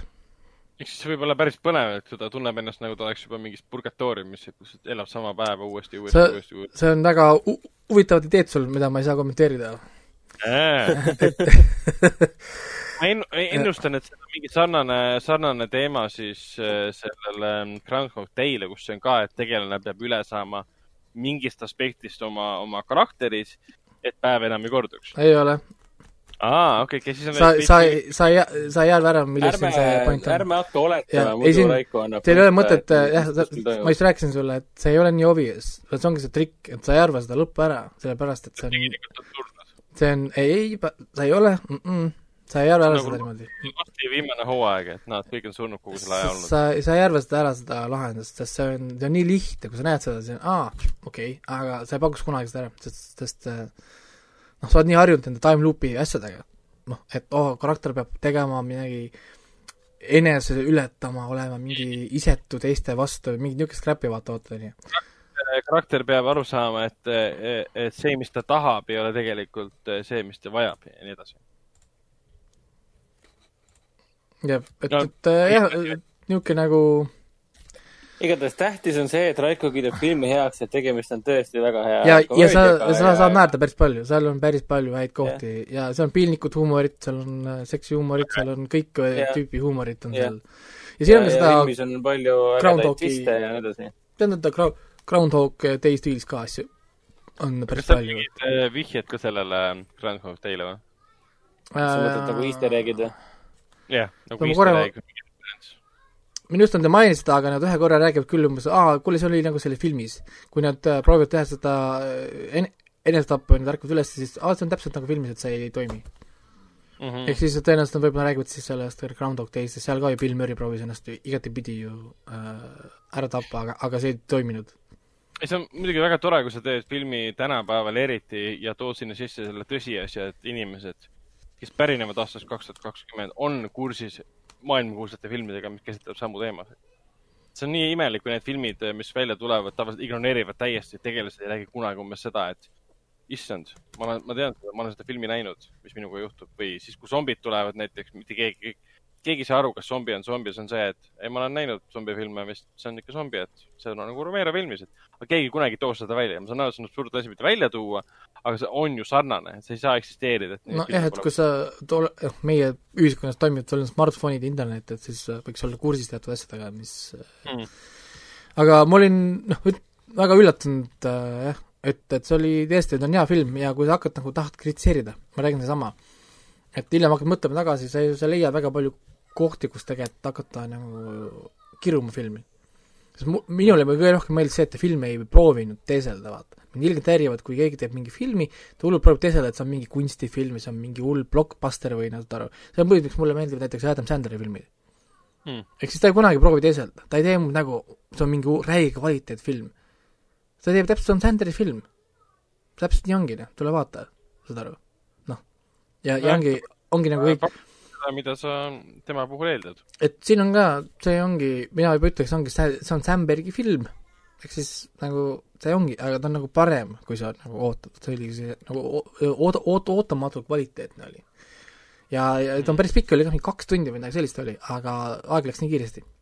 et, et äh, väga nagu kihvt, et oota, on kaks tundi või? minu arust oli pikk film, mina nagu mäletaks, et see oli ajaliselt pikem, kui ma kaotasin. Kohe teeme meeldetuletuse. Palm Springs on äh, tund kolmkümmend. aa, issand, tund kolmkümmend, kindel või? jaa. jah, jah. ta võib-olla On siis lihtsalt, hea filmi näide on see, et ta mõjub pikema, nagu ta tegelikult on. okei okay,, mina mäletaks, et see oli võib-olla kahe tundi, ma ei tea, miks ma mäletan, et see oli kaks tundi, no no va- va- vahet ei ole.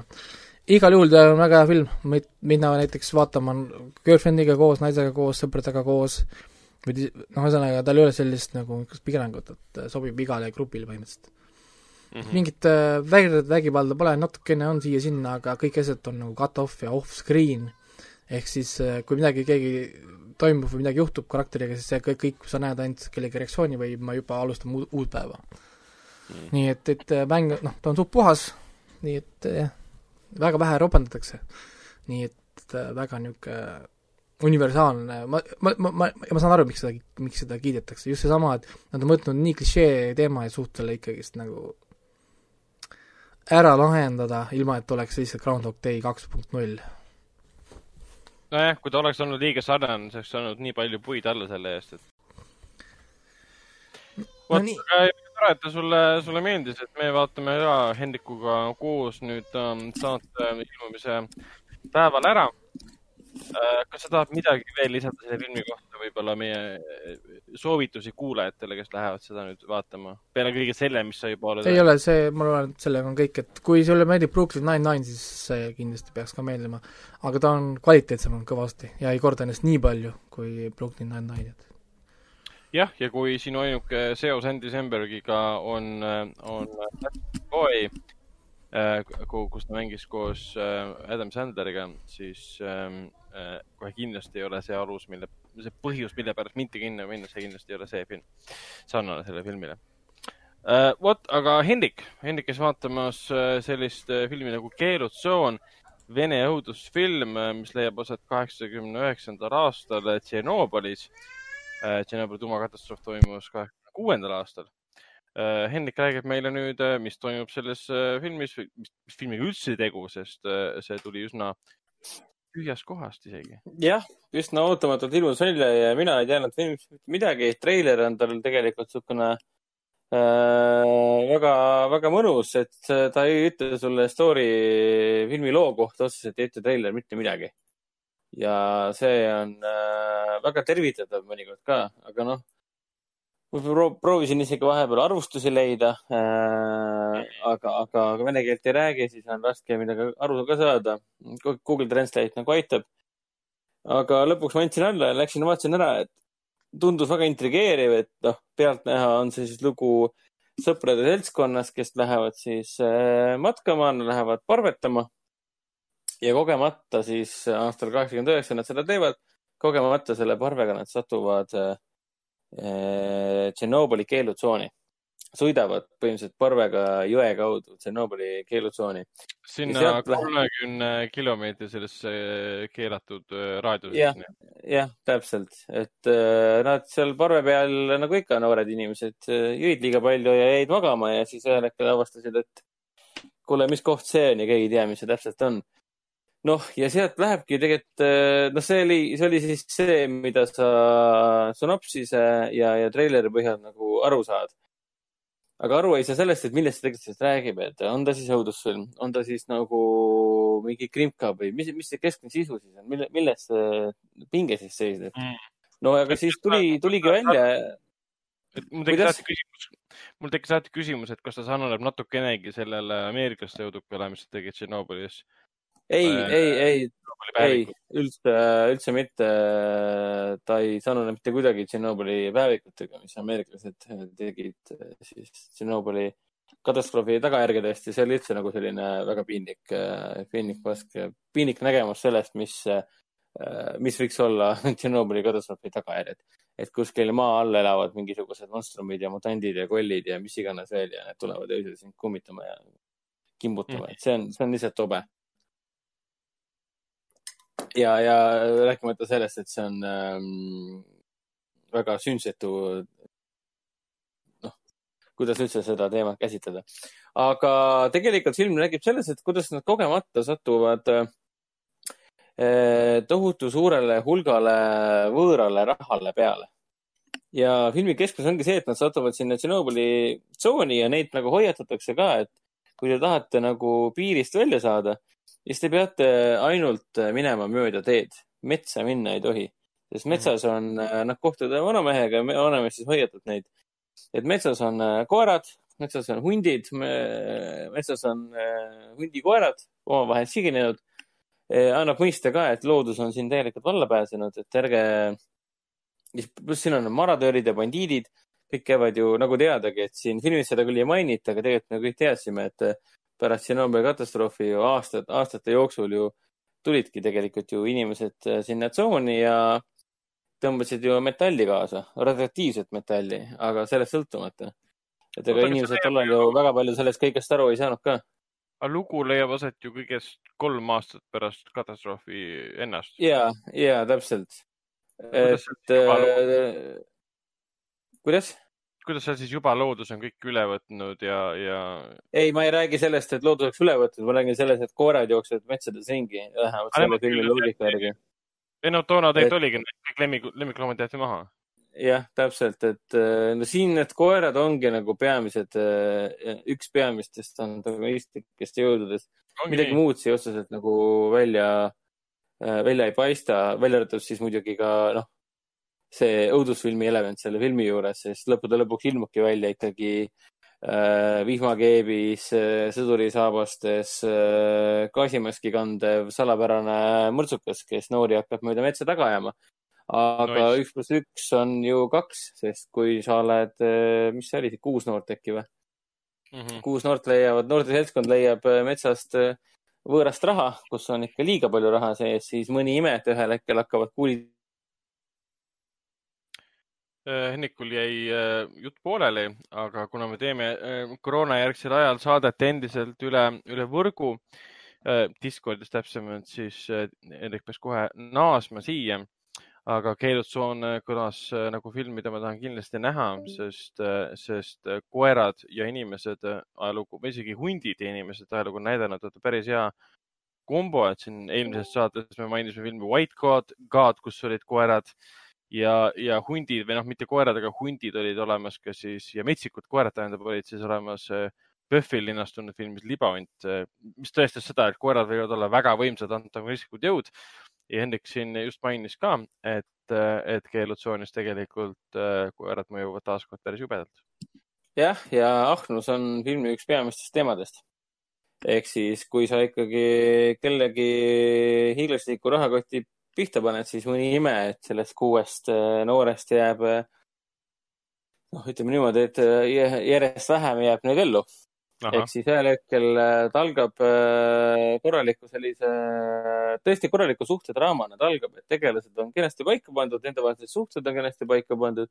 see, et tee peal seigeldes keelutsoonis tulevad erinevad konfliktid esile, Eh, neid konflikte just võimendabki tegelaste omavahelised suhted ka, et see on iseenesest nagu õnnestunud, olgugi et üsnagi noh, eh, tuttavlikult ja klišeeliselt, aga ometigi see on see piisavalt äh, kenasti läbi hammustatud, et mm. need tegelased sulle ka korda läheksid, olgu, et nad on noh, ütleme nii, et alati on olemas see üks, üks põkktüüp, endine sõjaväelane, kes läheb ähmi täis ja hakkab sõdurit mängima ja siis on see üks tüdruk, kes kogu aeg nutab ja no ja siis on üks, üks, kleenuke poiss, kes on ilgelt ülbe kogu aeg ja, ja, ja siis on üks, kes on mõistliku loomuga ja nii edasi, et noh, kõik, kõik, kõik tegelased on siin ära tabatud, nii nagu me oleme harjunud äh, neid nägema.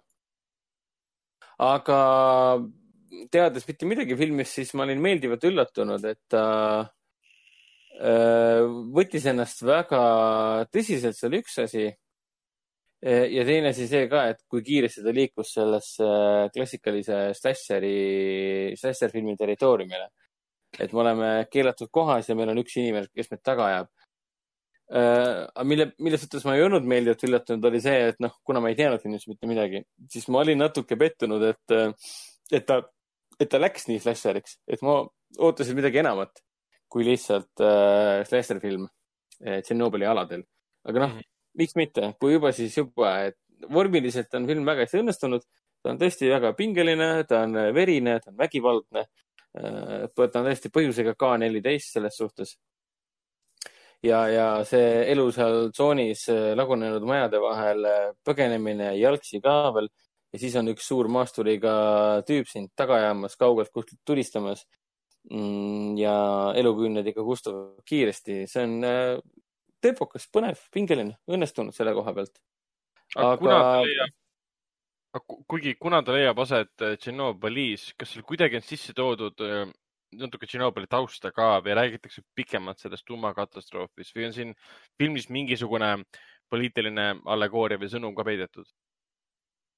Äh, jah ja ei, selles suhtes, mis puudutab Tšernobõli katastroofi kui sellist, filmi tegevus leiab aset kõigest kolm aastat pärast katastroofi Mm -hmm. siis siin nagu paistis silma see, et siin oli hästi palju neid äh, hoiatussilte ka, et siin on atraktiivne ja kõik siuksed asjad. aga ma ei tea, kas kolm aastat on tõesti nagu selline aeg, äh, mille jooksul kõik need sildid niivõrd kiiresti rotsetama lähevad, sest neid pilt, neid silte vaadates, mis seal metsa vahel olid, tekkis tunne, et see ei leia aset mitte kaheksakümne üheksandal aastal, vaid kahe tuhande üheksandal aastal. et no mõnikord siin tekkisid teatavad segadused minus eneses, et see on tegelikult on ju, mis puudutab katastroofi ennast, on see tegevustik väga värske. Äh, aga, aga see, mis filmis vastu vaatas, kohati mõjus noh, väga vanana, et kohati oli umbes selline, et see küll kaheksakümmend üheksa ei ole. et vähemalt kaks tuhat üheksa võiks nagu olla, aga noh, see selleks. noh, Tšernobõlis siin räägitakse küll, aga ainult mööda minnes nad ei keskendu üldse sellele, mis, mis oli Tšernobõl, mis juhtus ja nii edasi, et see nagu ei ole oluliselt teema. mis mind aga see, selles suhtes nagu hakkaski häirima, et ma ei tahagi, et mulle hakatakse ajalugu ümber rääkima. mind häiris see, et isegi tegelased osaliselt nagu ei teadvustanud seda. et nad siin tegelikult äh, on Tšernobõli tsoonis, et nad on äh, kiiritusraadiuses veider oligi see, et kogu selle action'i, aktsiooni keskel nad ei rääkinud kordagi sellest, et meil on kiiritus ümber mis on nagu hästi, hästi. kiiritust välja ei tooda või? nojah, et äh, võimalik, et küsimus on ka teadmatuses, et äh, väga palju ju Nõukogude Liit ju metsikult varjas oma rahva eest ka. et mõni ime, et nad sinna kogemata sattusid ja teadmata, mis see täpselt on ja kuidas seda hoomata. Aga kuna filmi üks lõputvistidest äh, või noh, lõpupööretest seostub konkreetselt kiiritusega, siis, äh, siis seda enam oli veidi veider, veidi naljakas koguni. Äh, et, et tegelased, peategelaskond ise ei teadvusta endale seda täpselt kiirituse osa selles kohas, kus nad on. aga ometigi filmi lõpupööre on just nimelt sellega, selle teadlikkusega seotud, mis on mhm. naljakas. Äh, aga jah, pinge ses suhtes, noored siin jooksevad koerte ees, peidavad ennast vanades bussides. Ja, ja noh, kvaliteetne pingeline triller äh, vormilt siis eelkõige. sisult jääb ta pigem äh, noh, tüüpiliseks, aga ta on niisugune tubli tüüpiline, ehk siis ta ei ole laisk, ta on niisugune äh, terav, ta püüab hästi terav olla. Ja mis tal nagu poolenisti ka õnnestub. et mina oleksin sellest filmist tahtnud rohkem seda Tšernobõli teemat näha, mitte ajalugu, vaid nagu kõike enamat nii-öelda, et kus seda teadvustamist, et kus me tegelikult oleme, kus me tegelikult liigume aga muidu ta tahtis jah rõhutada seda sellist eh, ei kellegi maad ka nii-öelda. ja, ja taaskord see lõpub. Hennik kadus, Hennik kadus jälle korraks, korraks ära, aga sellised on koroonaajad. Mõnes mõttes on meil isegi hea, et me endiselt teeme saadet eh, veebis, sest vaadates, mis Tartus toimub. ja miks, kust see raha pärit on ja kuidas nad selle raha üldse kätte said ja kes neid taga ajab ja miks neid taga ajab ja nii edasi, see on tegelikult eh, põnev, et see, see toimib, ma soovitan küll seda vaatama minna mm. -hmm. ja tegelased tegelikult on, eh, nad on siuksed mehid tegelased, aga nad on väga meeldejäävad selle koha pealt küll. Et kes on kes ja milline on närvis kogu aeg ja tahab kõigile peksa anda mm. -hmm. ja no filmi, filmi soundtrack, filmi, filmi soundtrack oli kusjuures väga hea äh,. väga pingeline, sihuke, siukene, ta meenutas mulle mingit, nüüd tuli meelde. tead, mida ta mulle meenutas või? kogu filmi aja mõtlesin, kus ma seda, vot ma kirjutan siia Youtube'i endale. See oli It Follows'i soundtrack äh,, see põhiteema. ja, ja, ja. Äh, mitte, et see konkreetselt see oli, aga ma tundsin ära selles samas äh, muusikalises teemas Disaster Beats'i tehtud It Follows'i soundtrack'i see põhiteema, kui ta alguses seal jookseb ja, ja mujal ka, see hästi intensiivne ja pingeline. siin kasutati seda päris tihti ja kogu filmi aja ma ei saanud aru, et kus kohas ma seda näinud olen või kuulnud olen. Et noh, muusika ja operaatoride poole pealt ja näitlejate poole pealt on ta väga kena. selles suhtes, et väga, väga õnnestunud, väga ilus asi. aga noh, sisult on jah ütleme nii, et kergelt, kergelt läheb meelest ära. aga ma olen väga rahul, et ma vaatamas käisin. no selge ähm,. no nii. mina olen ka rahul, et ma vaatasin, äh, mina olen ka rahul, et ma vaatasin ära äh, lõputusest äh, Roy Andersoni uue filmi. meil on vist tehniline, kes see kadus ära minema? Henrik pani vist äh, minema või? aa äh,, okei okay., Henrik, Henrik kadus korraks jälle Te, ära. Telia, Telia ründab jälle. kas Telia ründas jälle või? Mm, ma ei tea, mul mingi delay tuli sisse. aa, okei, okei. Ehm, see on see, see on see naljakas delay, et kui sa räägid ja siis sa äh, küsid midagi, siis, siis sa nagu saad aru, et teised kõik kuulavad seda juttu, mis sa just rääkisid kuskil kümme sekundit tagasi ja reageerivad nüüd siis sellele küsimusele, mida sa nüüd oled esitanud kuskil viis sekundit tagasi. see on päris veider. äge, äge, äge, äge. seda siin juhtub äh,, aga nagu ikka see, ma juba väsin selle äh, kord, aga sellised on koroonaajad. igatahes äh, mina vaatasin ära Artises äh, linastunud äh, lõputusest äh, About ähm, Endless Ness, ma ei hakka seda isegi äh, äh, rootsi keeles äh, hääldama, sest ma solvan sellega rootslasi. aga tegemist on siis äh, Roy Andersoni äh, filmiga aastast kaks tuhat üheksateist, mis siis äh, kandideeris ka Kuldsele lõvile siis seitsmekümne kuuendal Veneetsia filmifestivalil. kes vähegi on Roy Andersoni filmidega kursis, siis äh, nad teavad äh, väga hästi, mida äh, temalt äh, oodata. Kes ei ole kursis, siis see võib tulla lausa šokina ja hoopis teistsuguse elamusena, et mis film see nüüd oli. et ta kestab äh, ainult seitsekümmend kuus minutit, mis on siis kuusteist minutit.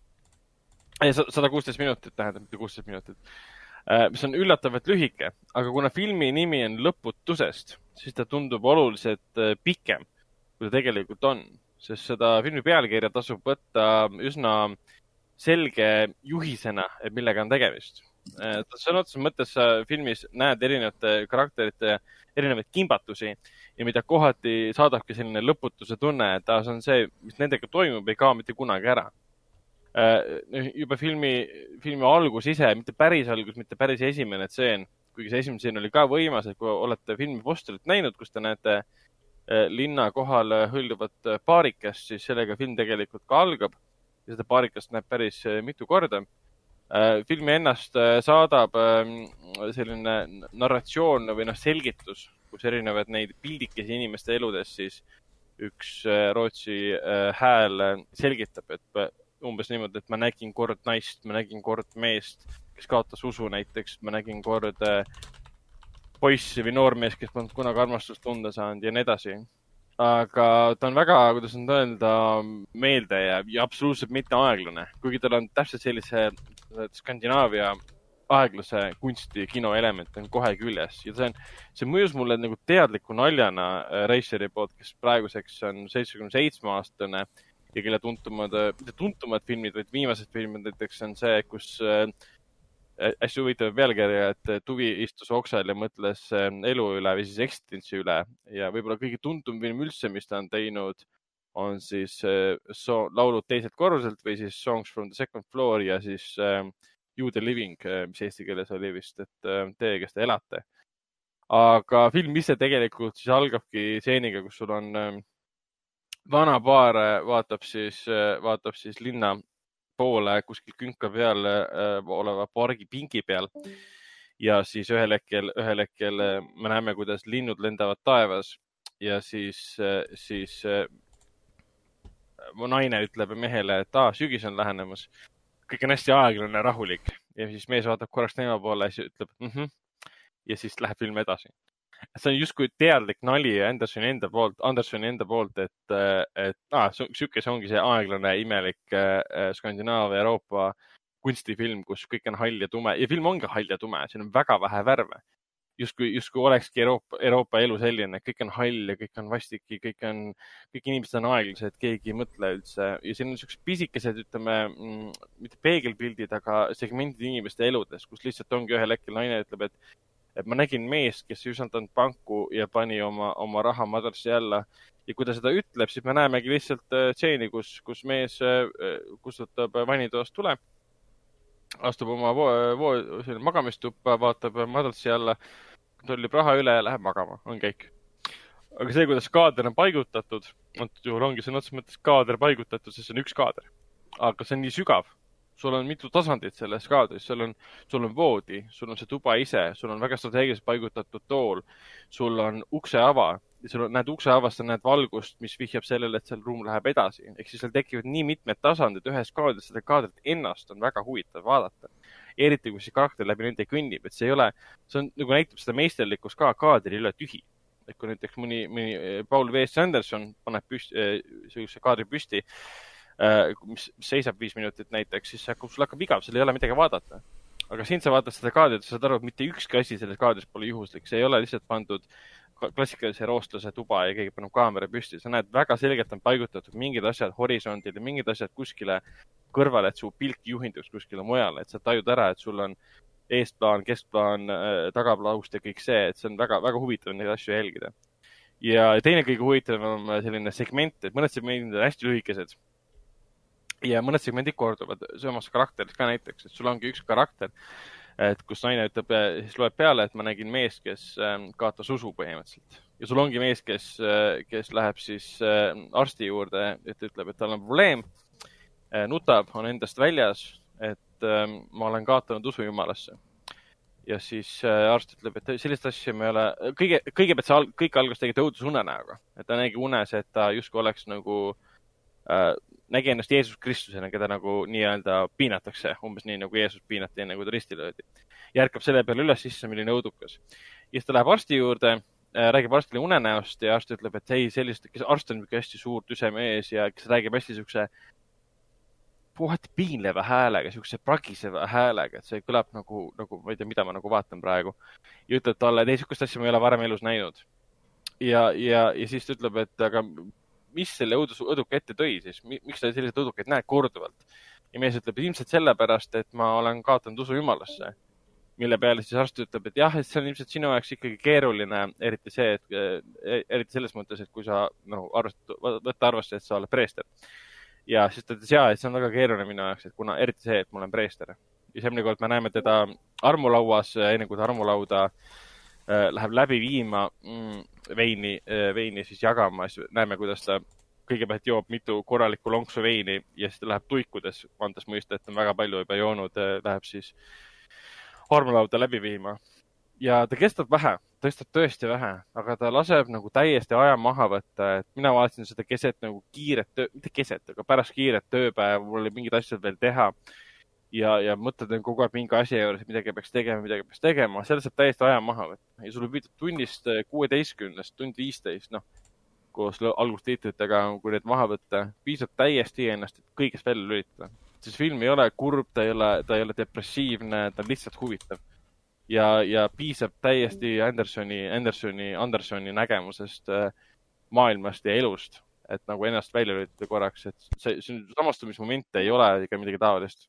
ta on täitsa, täitsa äge ja, ja huvitav ja täitsa, täitsa teistsugune film, eriti praegusel, kui nüüd arvestame meie kinomastikku, mis on praegu nagu näha, äh, näha saab selle filmiga seoses on eriti naljakas võib-olla see, et seda siin kriitikutel on olnud raskusi filmi pealkirja paikapanemisega, et siin erinevates kanalites on olnud erinevad nimed filmil, et mitte ainult Lõputusest, siis on olnud Lõputuus ja siis on mingid muud variatsioonid äh, sellest samast äh,, samast äh,, samast nimetusest.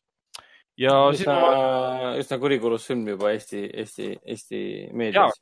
selle, selle koha pealt küll, et veel kurikuulsam on võib-olla ainult äh, see pidurdamatu Unhinged, mida siin kriitikud ohtralt materdavad ja mida ma ei jõua ära oodata, et ma saaksin seda näha, et, et samamoodi, et ma vaatan, vaatan ja naudin lõputusest, ütlen, et see on fantastiline film ja siis ma loodan, et mulle meeldib ka siis äh, pidurdamatu, sest noh äh,, Russell Crowe äh, piinab inimesi.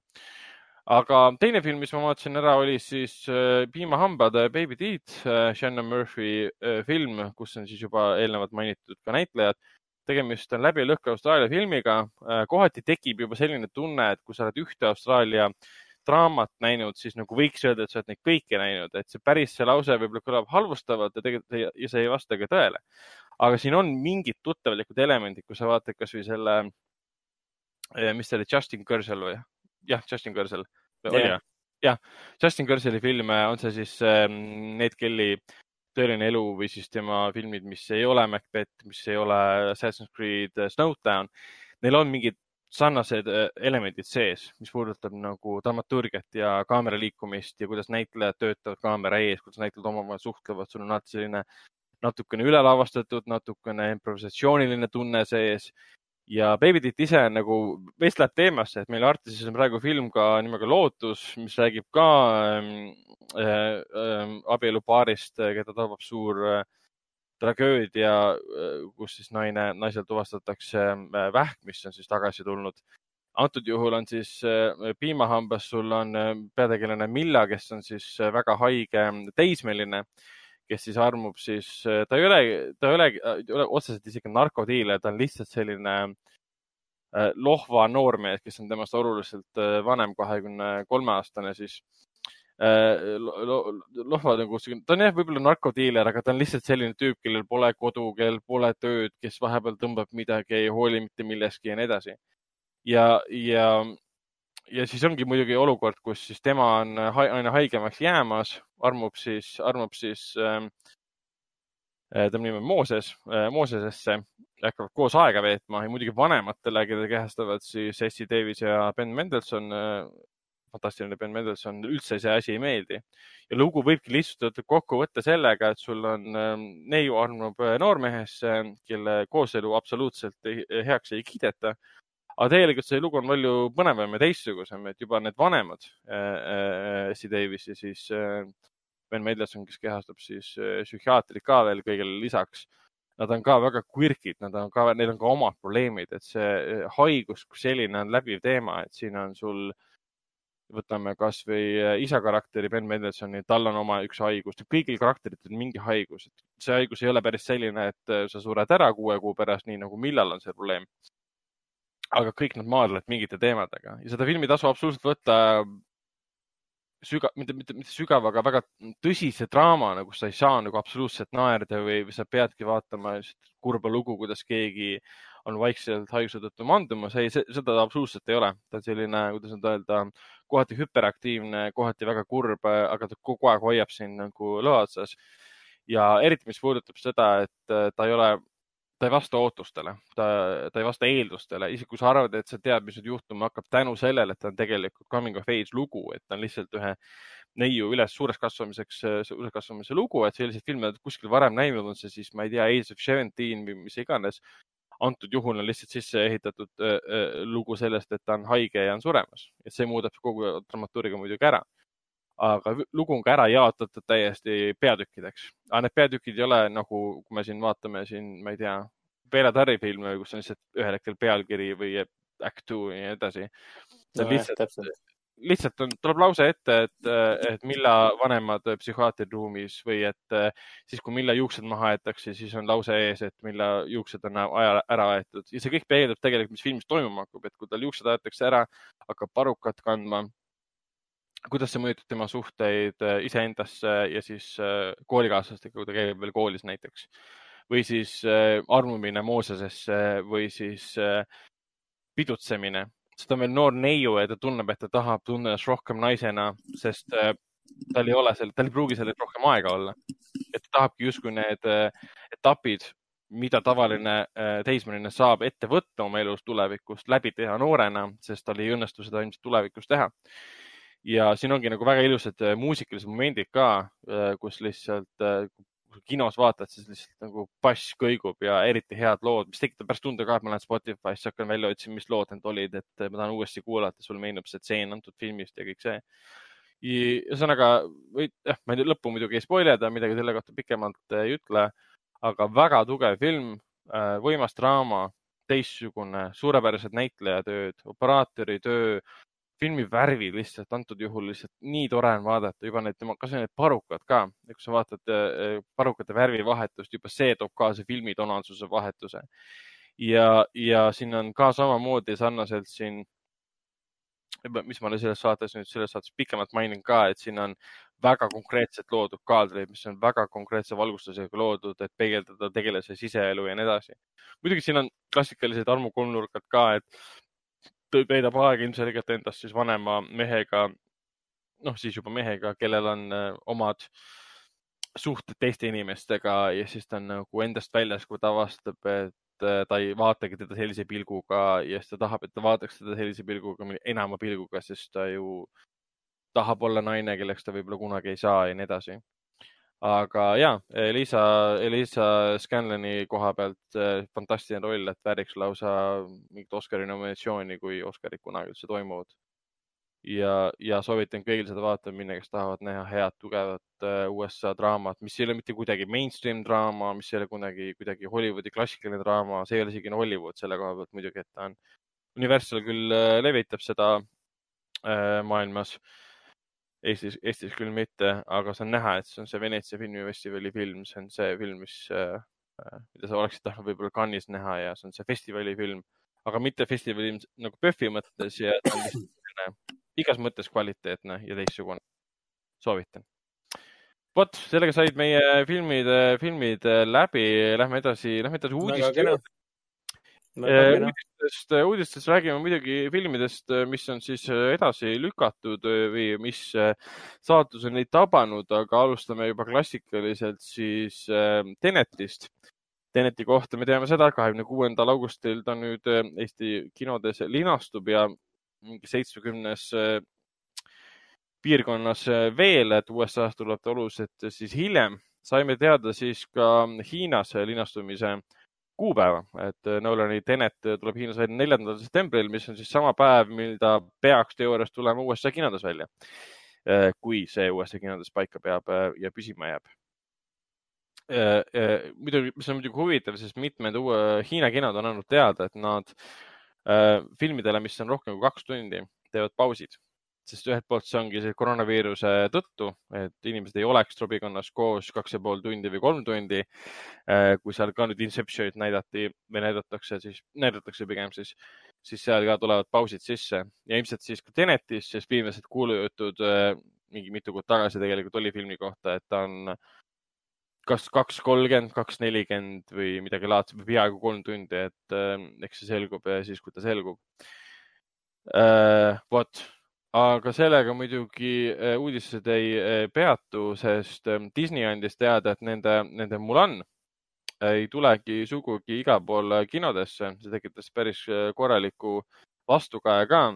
nimelt Mulan linastub kõikides nendes piirkondades, kus on olemas Disney pluss ainult Disney pluss vahendusel, aga ta ei ole otseselt mõeldud Disney plussi kasutajatele, ta on pigem, sa saad läbi platvormi seda vaadata, aga ja maksta selle eest eraldi. antud juhul on selleks hinnaks siis kolmkümmend, kolmkümmend eurot, dollarit tähendab kakskümmend üheksa. aga see tähendab ikka seda, et sa pead enne olema Disney plussi kasutaja, et siis, ehk siis sa maksad kuus äh, seitse dollarit ja siis yeah. kui sa tahad Mulani vaadata, kui sa maksad seitse dollarit kuus, siis sa maksad kolmkümmend euro, dollarit juurde. aga ma sain aru, et see Mulan jääbki siis nii-öelda sulle ah.. noh, nii-öelda. see kontseptsioon on veidi veider, sest noh, Disney pluss ei ole ju erinev kuidagi äh, Netflixist. ehk siis see on võib-olla mingi uus pretsedent, mida hakatakse siis pakkuma või? et mingid, mingid väga suurte filmide eest hakatakse siis äh, voogedastusplatvormidel raha, raha küsima või? sõltumata sellest, et sa, et sa juba maksad. No nüüd iga filmiga seda teha ei saa, see peab ikkagi olema film, mida on neli-viis kuud edasi lükatud ja siis otsustatakse no,. praegu ta on jah, see... era, erand pigem. ma võin sulle kohe öelda, et see ei toimi. kui sa hakkad juba küsima nagu raha yeah. ja küsid veel nagu ja, raha see... juurde, siis see tulemus on ja, see, et, et, et, et inimene lihtsalt Äh, pirab selle filmi või ta lihtsalt äh, ei vaatagi seda filmi. No täpselt, et miks sa peaksid juurde maksma selle eest, mille eest sa juba maksad? see on sama loogika, loogika, et ma ostan kaksteist euri, et saada kinopilet ja siis ma ostan veel kümme euri, et filmi ka vaadata. et noh yeah., et, et, et noh, miks, miks ma nagu peaks seda nagu tegema, vaata, noh, nagu, et, et maksta nagu topelt, et et see kindlasti neil ei toimi, ma arvan, et see on mingi see on mingi veider äh, lähenemine praegu, et ja, ja, ja isegi no ma, ma, ma ei näe, miks inimene peaks maksma kolmkümmend euri juurde praegu. Või noh, kolmkümmend, kolmkümmend dollarit nagu otsa, ma ei, see on lihtsalt veider. no ja, ja põhjendus on see, et lihtsalt on mitu korda edasi lükatud ja nad tahavad äh, ilmselgelt filmiga raha teenida, sest äh, see muidugi väga palju tekitas siin vastukaja, praegu siin Twitteris teeb ringi näiteks teeb ringe Äh, video, kus siis Prantsuse mingi indie-kino juht peksab kurikaga puruks siis Mulani reklaam sellist standi, väljendades oma siis frustratsiooni, et ta loodis Mulanist, mille linastuskuupäev oli nüüd esialgne või enne seda, kui see teade tuli? mis siin kirjas on? mul on ah,, mul on, alustab Disney plussis neljandast septembrist. ei, ma mõtlen, et mis ta, mis ta kino kuupäev enne oli, kui ta ära muuda-, üldse tuli sinna see VOD või Disney plussi teade? aa, ta oli augusti lõpus ju. augusti lõpus vot, vot, ehk siis, kui ta oli teada, et ta tuleb augusti lõpus, väga paljud kinod Prantsusmaal ja mujal Euroopas olid oodanud, et see on see film, et meile tuleb tagasi enne või pärast siis Tenetit ja nüüd nad on väga pettunud, et see juhtus, sest antud juhul Disney pluss on olemas Prantsusmaal, mis tähendab seda, kui sa Prantsusmaal maksad mingi seitse eurot äh, kuus selle äh, voogedastus äh, streaming platvormi ja siis sa maksad kolmkümmend eurot otsa, et vaadata siis Mulani seal.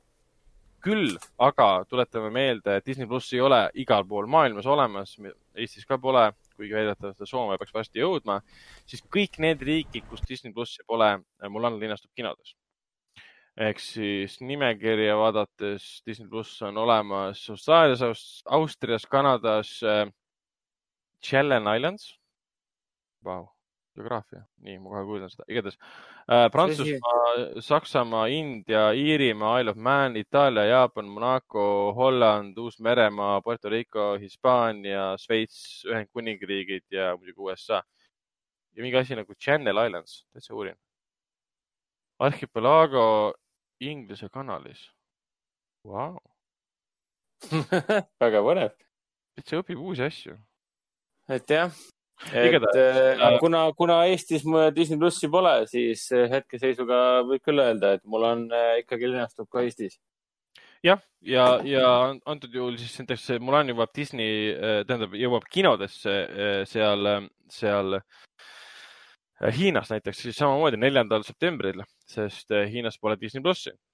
ehk siis sealt nad loodavad päris palju teenida, kuigi see teenimine tähendab seda, et see ei saa olla mitte mingil juhul sama summa, mis oleks teeninud enne koroonat, sest lihtsalt nii pole piisavalt mul, mul on, on Hiinas samal päeval, mis Tenet või? ja, ja, ja. no Disney... palju, palju edu neile Disney versus Warner Bros. no ma, kui me räägime edust, siis ma arvan, et Mulani vaadatakse ikka rohkem kui Tenetit Hiinas. räägi, pidades no jah, seda küll, jaa, aga noh.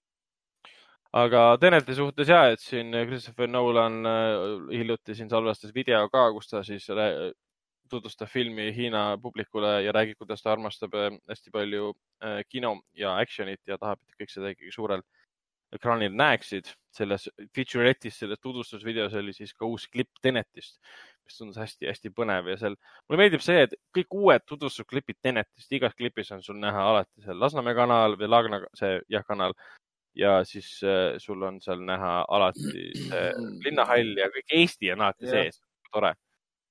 ma, mina isiklikult ei olegi rohkem äh,, ma olen ju kahte treilerit näinud, üks oli siis äh, esimene õrritav diiseltreiler ja siis oli täispikk.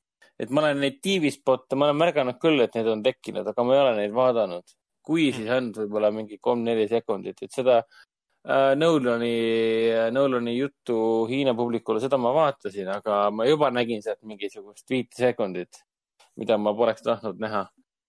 Mm.. Tenetist, et ma, ma ei taha treileritega enda jaoks Tenetit ära rikkuda. Nojah, aru, aru, arusaadav ka, ma isegi üritasin sellest hoiduda, aga ütleme nii, et need klipid ei ütle filmi kohta midagi äh, rohkemat äh, selle koha pealt, et ma ei tea nüüd endiselt, millest film tegelikult, äh, tegelikult räägib. aga, aga no, mis, mis puudutab Mulani, siis me võime õnnelik või noh, mõnikord võib ka õnnelik olla, et meil Disney plussi pole, et öelda siis kino vaatevinklist et meie saame seda kuskil siin sügise poole ikkagi kinos äh, näha.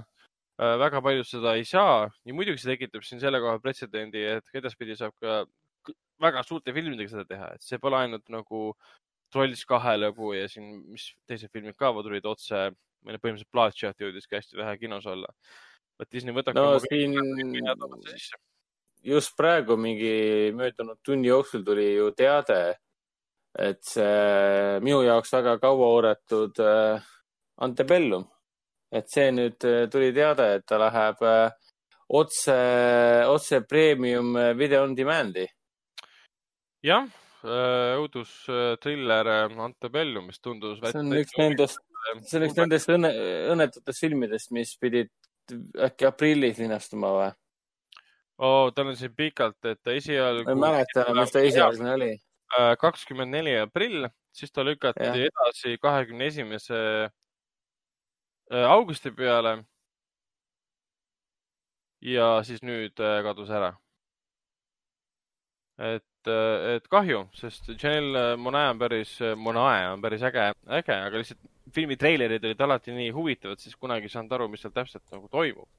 et keegi justkui röövitakse ja pannakse kuskile mingi virtuaalreaalsusesse või midagi laadset, kus teised inimesed ka elavad ennast välja.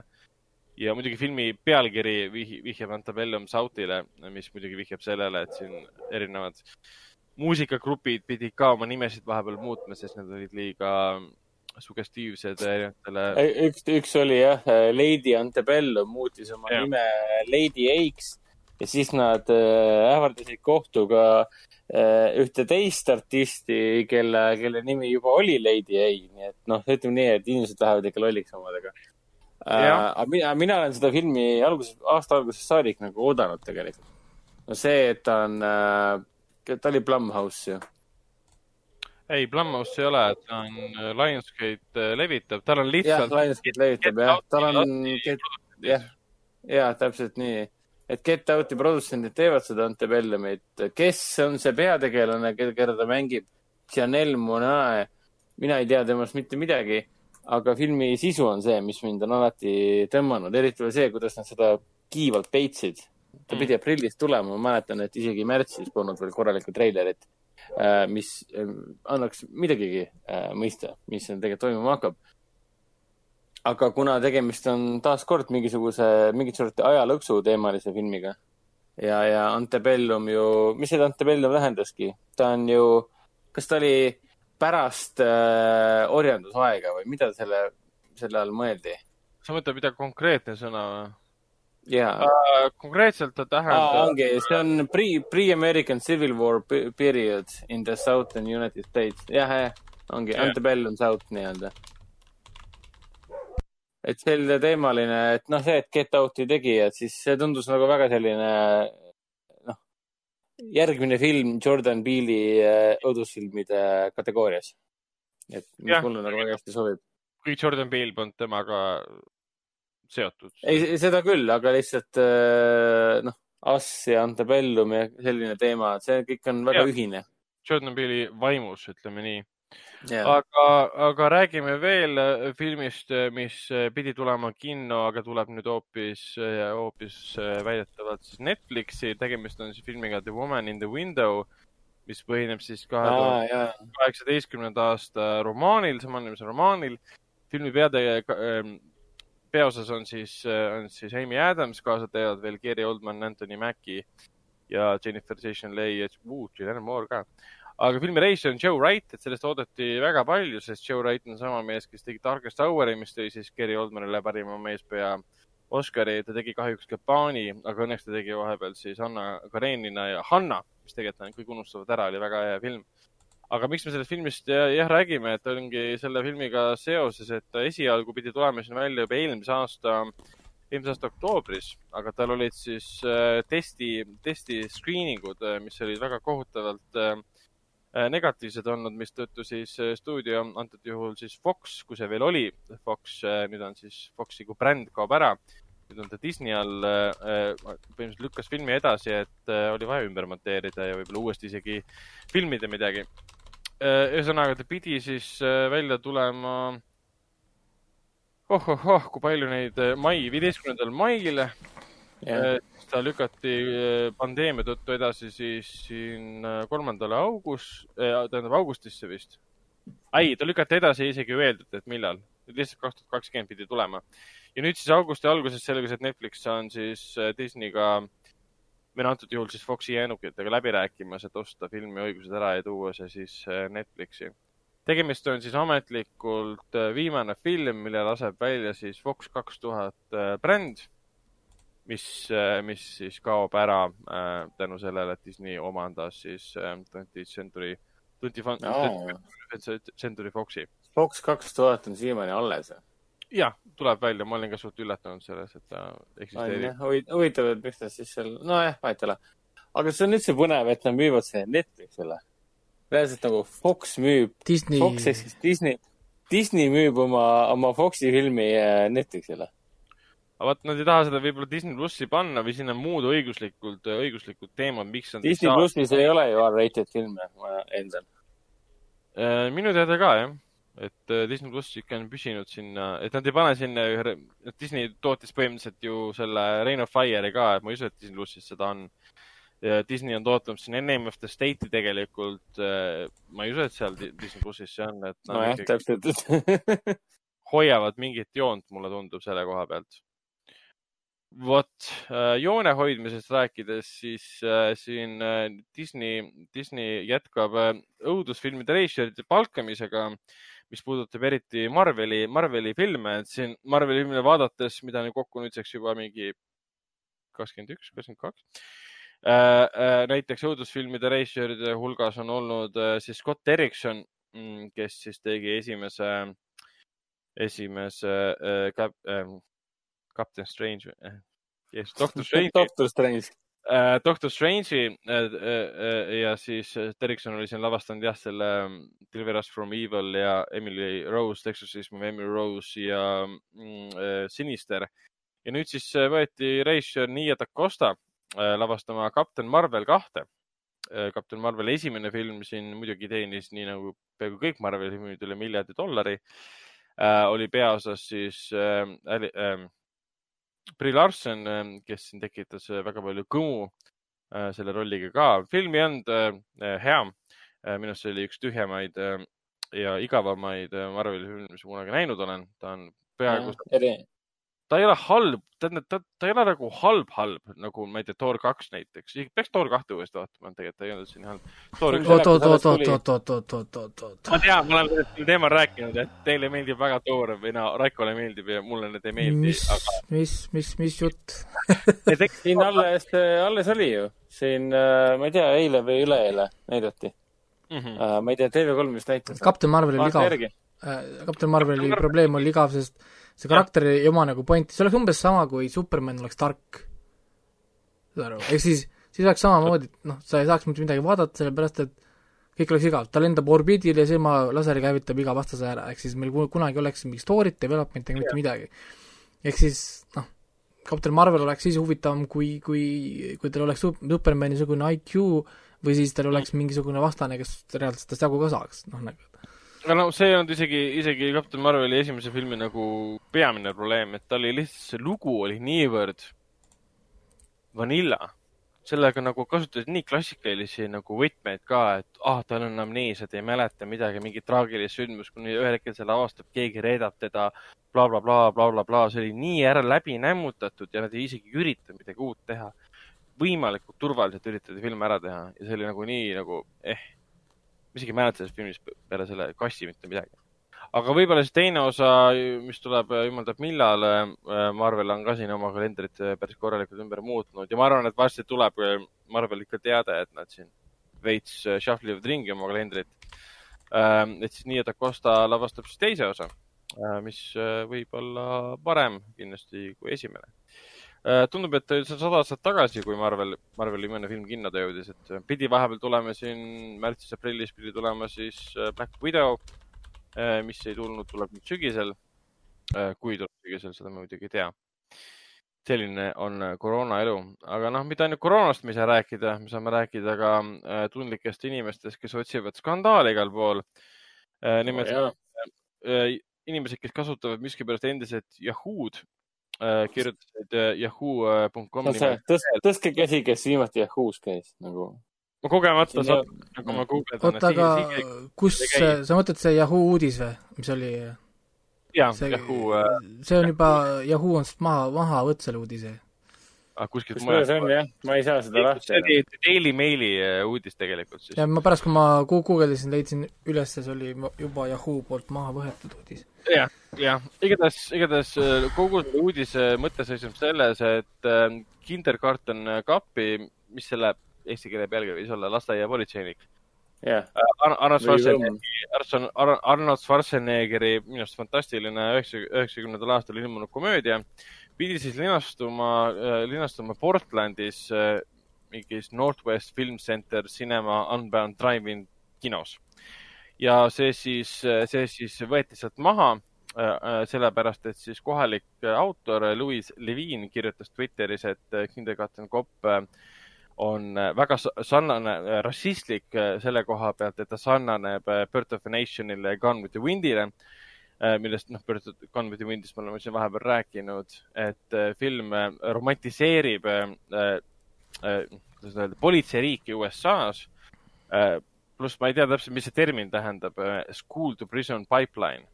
Tundub, et inimesed kasutavad sellist väljendit päris hästi erinevates kontekstides, ma pean guugeldama, mis see täitsa tähendab. aga mida nagu see autor nüüd veel välja toob, et see film traumatiseerib lapsi sellega, et ta nagu näitab, mis, mis tunne on elada politseiriigis, kui politsei sind kogu aeg jälgib ja et praegu on tänu Black Lives Matteri liikumisele ja protestidele on väga veider aeg tuua siis kinodesse tagasi Kindergarten Cop. Mille peale inimesed muidugi reageerisid, et mis hullumeelsus see veel on, et sa otsid kõige, kõige absurdsema filmi, milles üldse mingit skandaali või mingit woke asja tekitada. ja ma olen sellega täiesti nõus, sest issand jumal, kas me nüüd hakkame võtma ette kõik mingid täiesti X-filmid ja hakkame neid ka niimoodi vaatlema, et Kindergarten no, eriti veel see, kuidas sa, kuidas sa võrdled äh, Schwarzeneggeri Kindergarten Copi Birth of a Nationiga? Gone with the Wind äh, ei ole, mis asja? Gone with, jätame selle the Windi rahule, see on äh, ajalooline suurfilm, mis on pärit omast, omast ajast. Eh, sorry, ma ei saa sulle anda ajamasinat, sa saaksid tagasi minna, et seda filmi tehtaks teistmoodi või ei tehtaks üldse. kasvata suureks. ja Birth of a Nation on muidugi sama, samamoodi, jah, aga Birth of a Nation on tõesti ridic-, ridiculous movie selles suhtes. on, seal on sõna otseses no, mõttes. Birth of a Nationi ainus eesmärk on äh, ju äh, ärgitada viha mustanahaliste vastu yeah.. see on sada protsenti rassistlik film. aga tal on oma väärtus samamoodi. ta, ta, seda peab vaatama kord elus tegelikult. aga ma ei saa, aga ma ei saa aru, kuidas sa saad võrrelda. ei saa. Birth of a Nationiga. sa oled täiesti suve või? See on, see on selline mingi imeliku kõmu tekitamine, see, et Yahoo või kes iganes selle siis lõpuks üles korjas, see on ka mingi kõmu tekitamine mitte millegi üle.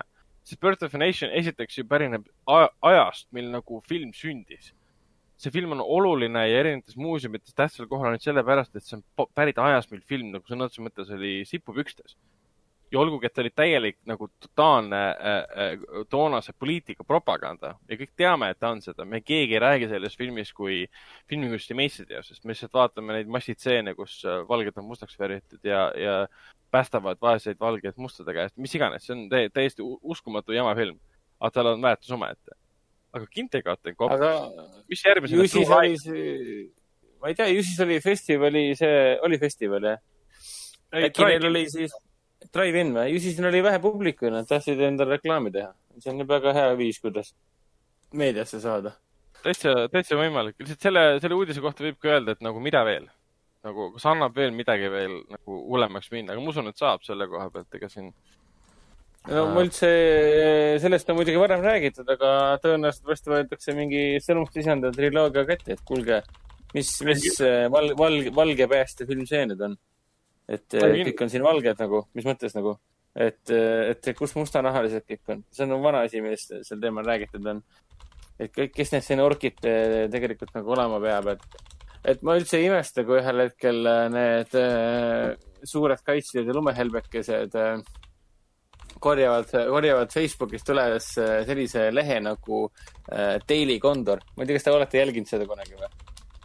Äh,. aa, keegi. reaalselt on, äh, see on niisugune äh, paroodia sait põhimõtteliselt, mis paneb Guardiani stiilis pilte üles ajalehelõikudest mm., mille siis autor on ise koostanud ja seal räägitakse põhimõtteliselt asjadest, et nagu miks on kääbikud orkide vastu niivõrd vägivaldsed, miks nad nii rassistlikud on ja miks Minas Tiriti äh, elanikud ja sõdurid lihtsalt ei lase orki enda juurde, need, nemad vajavad ka peavarju, nemad on ka inimesed ja nii edasi. et see kõik on pööratud nagu tänapäevaseks, et see on väga ridiculous ja see, noh, see, see toob, tuletab meelde, kui, kui tobedas äh, olukorras me tegelikult siin tänapäeval elame. Kuidas igast väiksest asjast on võimalik probleem teha. ei, tõsi, see on äh, täitsa, täitsa huvitava, huvitava, huvitaval ajal elame selle koha pealt Uh, huvitaval, võib-olla selle ajamuud on veel huvitavam see, et, et siin, siin Paul V. Sanderson äh, mees, kes siis la- lavastas äh, enamus, peaaegu kõik siis välja arvatud ühe või kahe äh, Resident Evil'i filmid, otsustas, et on aeg üles korjata mm, äh, suhteliselt obskuurne õudusfilmide seeria Mimic. Aa, aastast üheksakümmend seitse sai ta alguse, tal tehti ka kaks järge, üks aastast kaks tuhat üks ja teine aastast kaks tuhat kolm. otsustas selle üles korjata, et kuule, teeks ikka teleseriaali sellest ja Miramaxiga aga koos. Miks mina- see Mimik üldse mainimisväärne on? Mimik on äh, mainimisväärne selle põhjusel, et filmi režissöör on ähm, Guillermo del Toro, kes siin hiljuti tegi, tegi näiteks Shape of, Shape of Water'i, mis siin võitis, mis ta võitis nüüd, parima filmi Oscari või parima režissööri Oscari. kohe vaatan üle, ta võttis kokku neli Oscarit ja tegi ajalugu sellega, et selline sügav äh, žanrifilm äh, võitis siis jah, parima filmi ja parima režissööri äh, Oscari. Ta on ka režissöör, kes tegi Pacific Rim ühe, ta tegi Pani labürindi, ta tegi Kronose, ta tegi Hellboy, Hellboy kahe. ja praegu tal on ka uus õudukas äh, töös.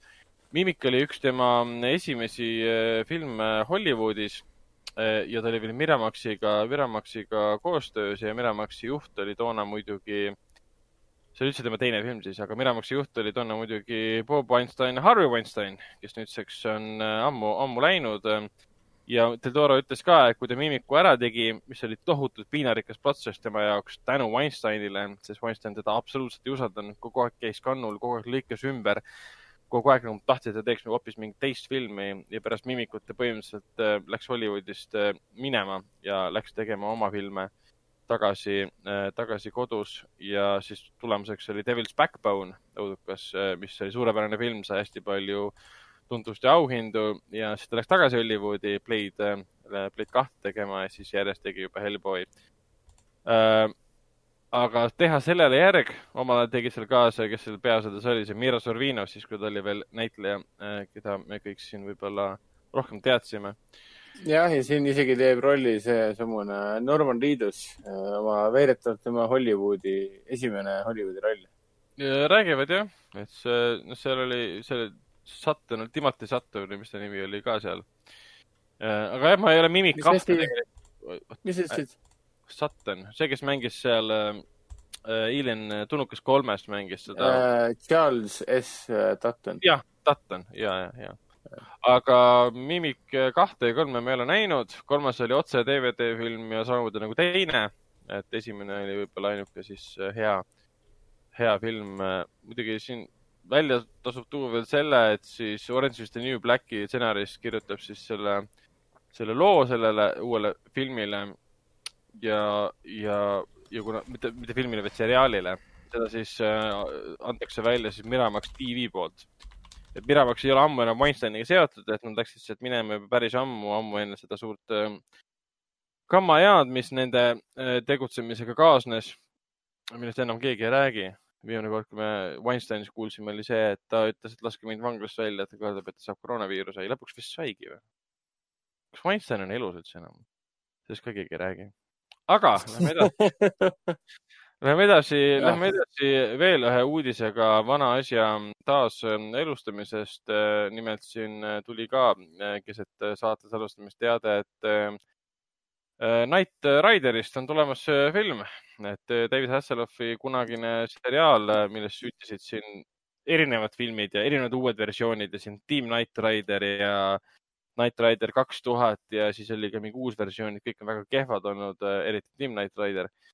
aga algupärane Knight Rider mulle vä- väga meeldis, aga see on ka põhjus, et ilmselt seisneb selles, et me vaatasime seda lapsena kõik ja siis muidugi kõik asjad meeldisid, eriti rääkiva auto, mis sõitis kiiresti. Eriti kui sa nüüd, vaatad neid, seda seriaali, siis sa näed, et see auto ei sõitnud üldse kiiresti. aga, aga igal pool reklaamitakse, et selle filmi versiooni siis äh, produtsent äh, on äh, James Wan. pigem mulle tundub, et on siin jälle see executive producer läbi Spyglass Media ja seda tegelikult teevad hoopis teised tüübid. kõige huvitavam on see, et filmi stsenaristiks on pandud äh, DJ Fixman äh,, kes on tuntud kes on tuntud äh, Ratchet and Clanki mänguseeria stsenaristina aa, ja okay., ja ta kirjutas, kirjutas ka Resistance kahele äh, loo. et videomängude loo, lugude autor äh, kirjutab siis filmistuudio jaoks Knight Rideri äh, stsenaariumi äh,. jah, aga kuna lugu leiab aset tänapäeval, siis ei saa seal olla enam äh, muidugi David Hasselhoffi peaosas äh,. ta üldse ei saaks peaosas olla, sest ta on äh, vana juba, aga ilmselt ta teeb mingi cameo seal ikkagi. Vot, aga viimase uudisena saame ära mainida sellise seriaali, HBO äh, Maxi äh, seriaali Raised by äh, Wolves, mis on siis Ridley Scotti produtseeritud ja osaliselt ka tema poja lavastatud ähm, ulmeseriaal, mille esimene treiler on niivõrd äge, et see põhimõtteliselt tundus, et see müüs ennast maha absoluutselt kõikidele inimestele ta näeb tegelikult visuaalselt isegi välja nagu Scotti enda viimased filmid mm,. ja, siin on tunda seda Prometheust ja, ja seda Covenanti. ja ta veits meenutab Luke, Luke Scotti, tema poja siis enda filmi, see. Morgan äkki või?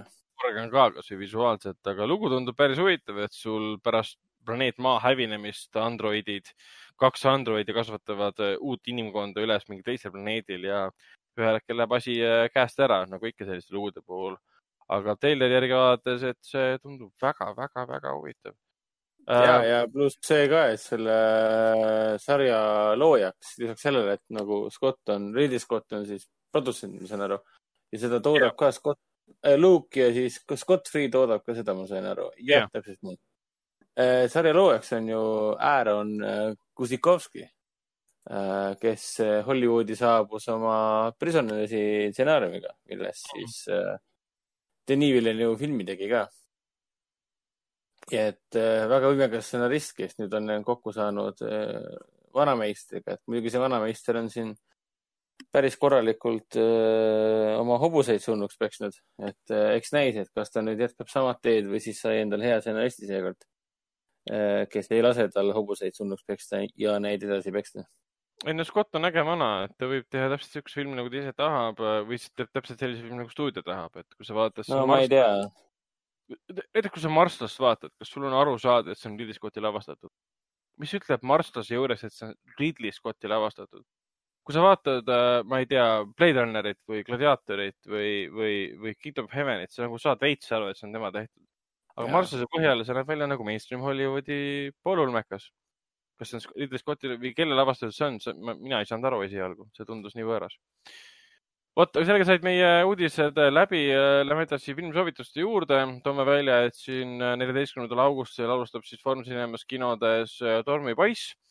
Äh, Aust-, jälle Austraalia imeilus äh, draama, pigem noortele, nooremale publikule suunatud. siis tuleb muidugi kõigi poolt oodatud Lõuna-Korea õudus action film Rong Busanisse kaks poolsaar uus animatsioon Sam Sam ja siis äh, Gerard Butleri järjekordne äh, maailmahävitusfilm. Ma ei tea, miks ma järjekordne ütlen ah,, tal oli Geostorm ka vahepeal. no ja järg... see mees on väsimatu, et noh. maailmahävitusfilm Greenland, viimane varjupaik ja siis ka Ma olen väga ilus. Artises alustab samuti Sam Sam, on Sam Sam või Sam Sam? Sam, Sam, Sam.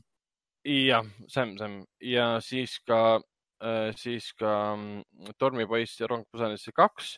Ja siis ka muidugi Keelatud armastus, äh, mille peaosalist Andrea äh, Brian Hovigit saab praegu näha siis koos, koos Stellan Skarsgardiga draamas ähm, Lootus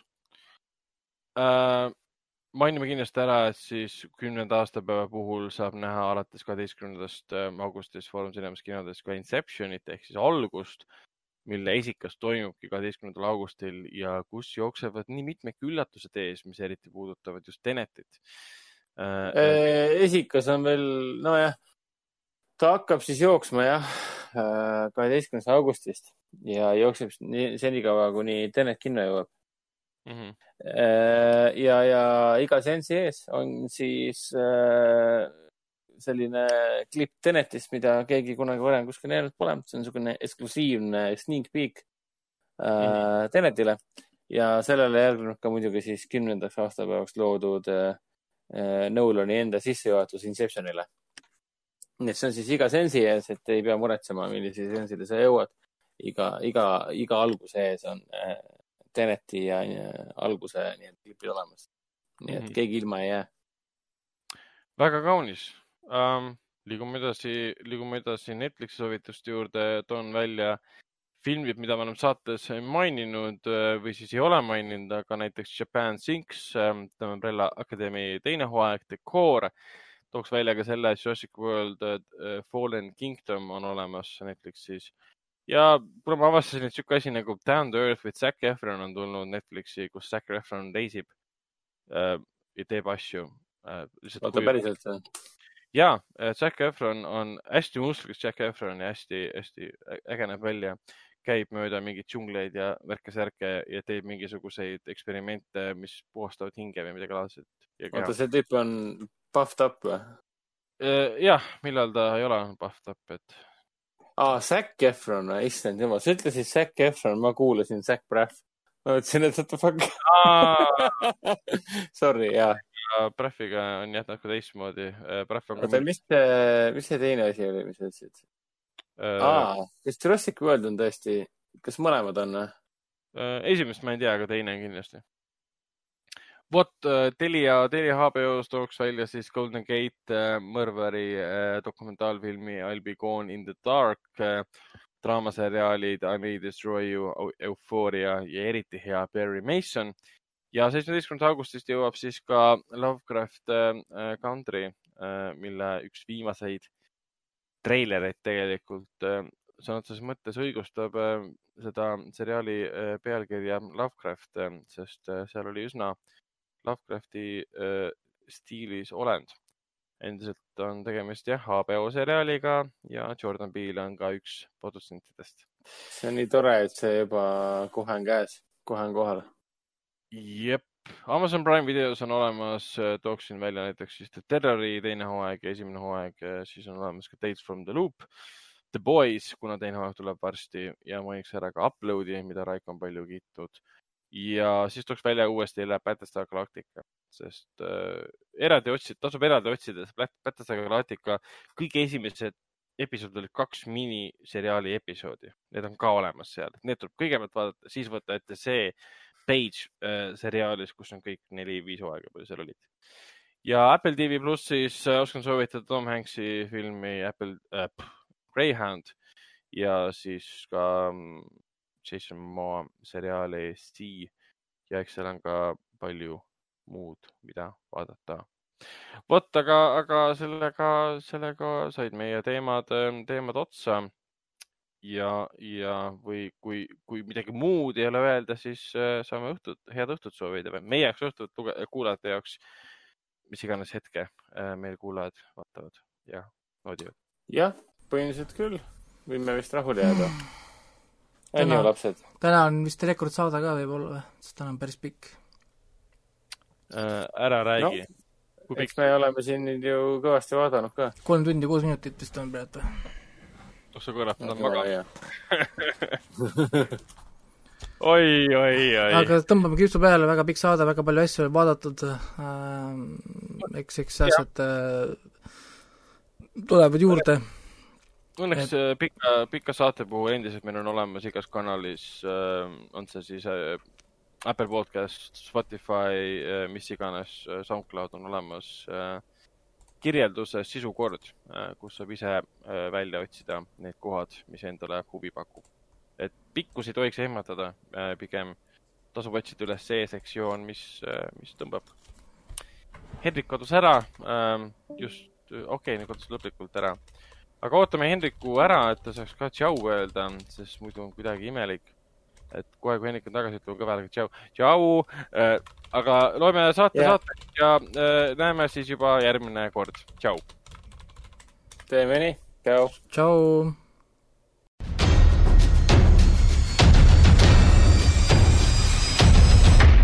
kinoveebi Jututuba podcasti toob teieni Foorum Cinemas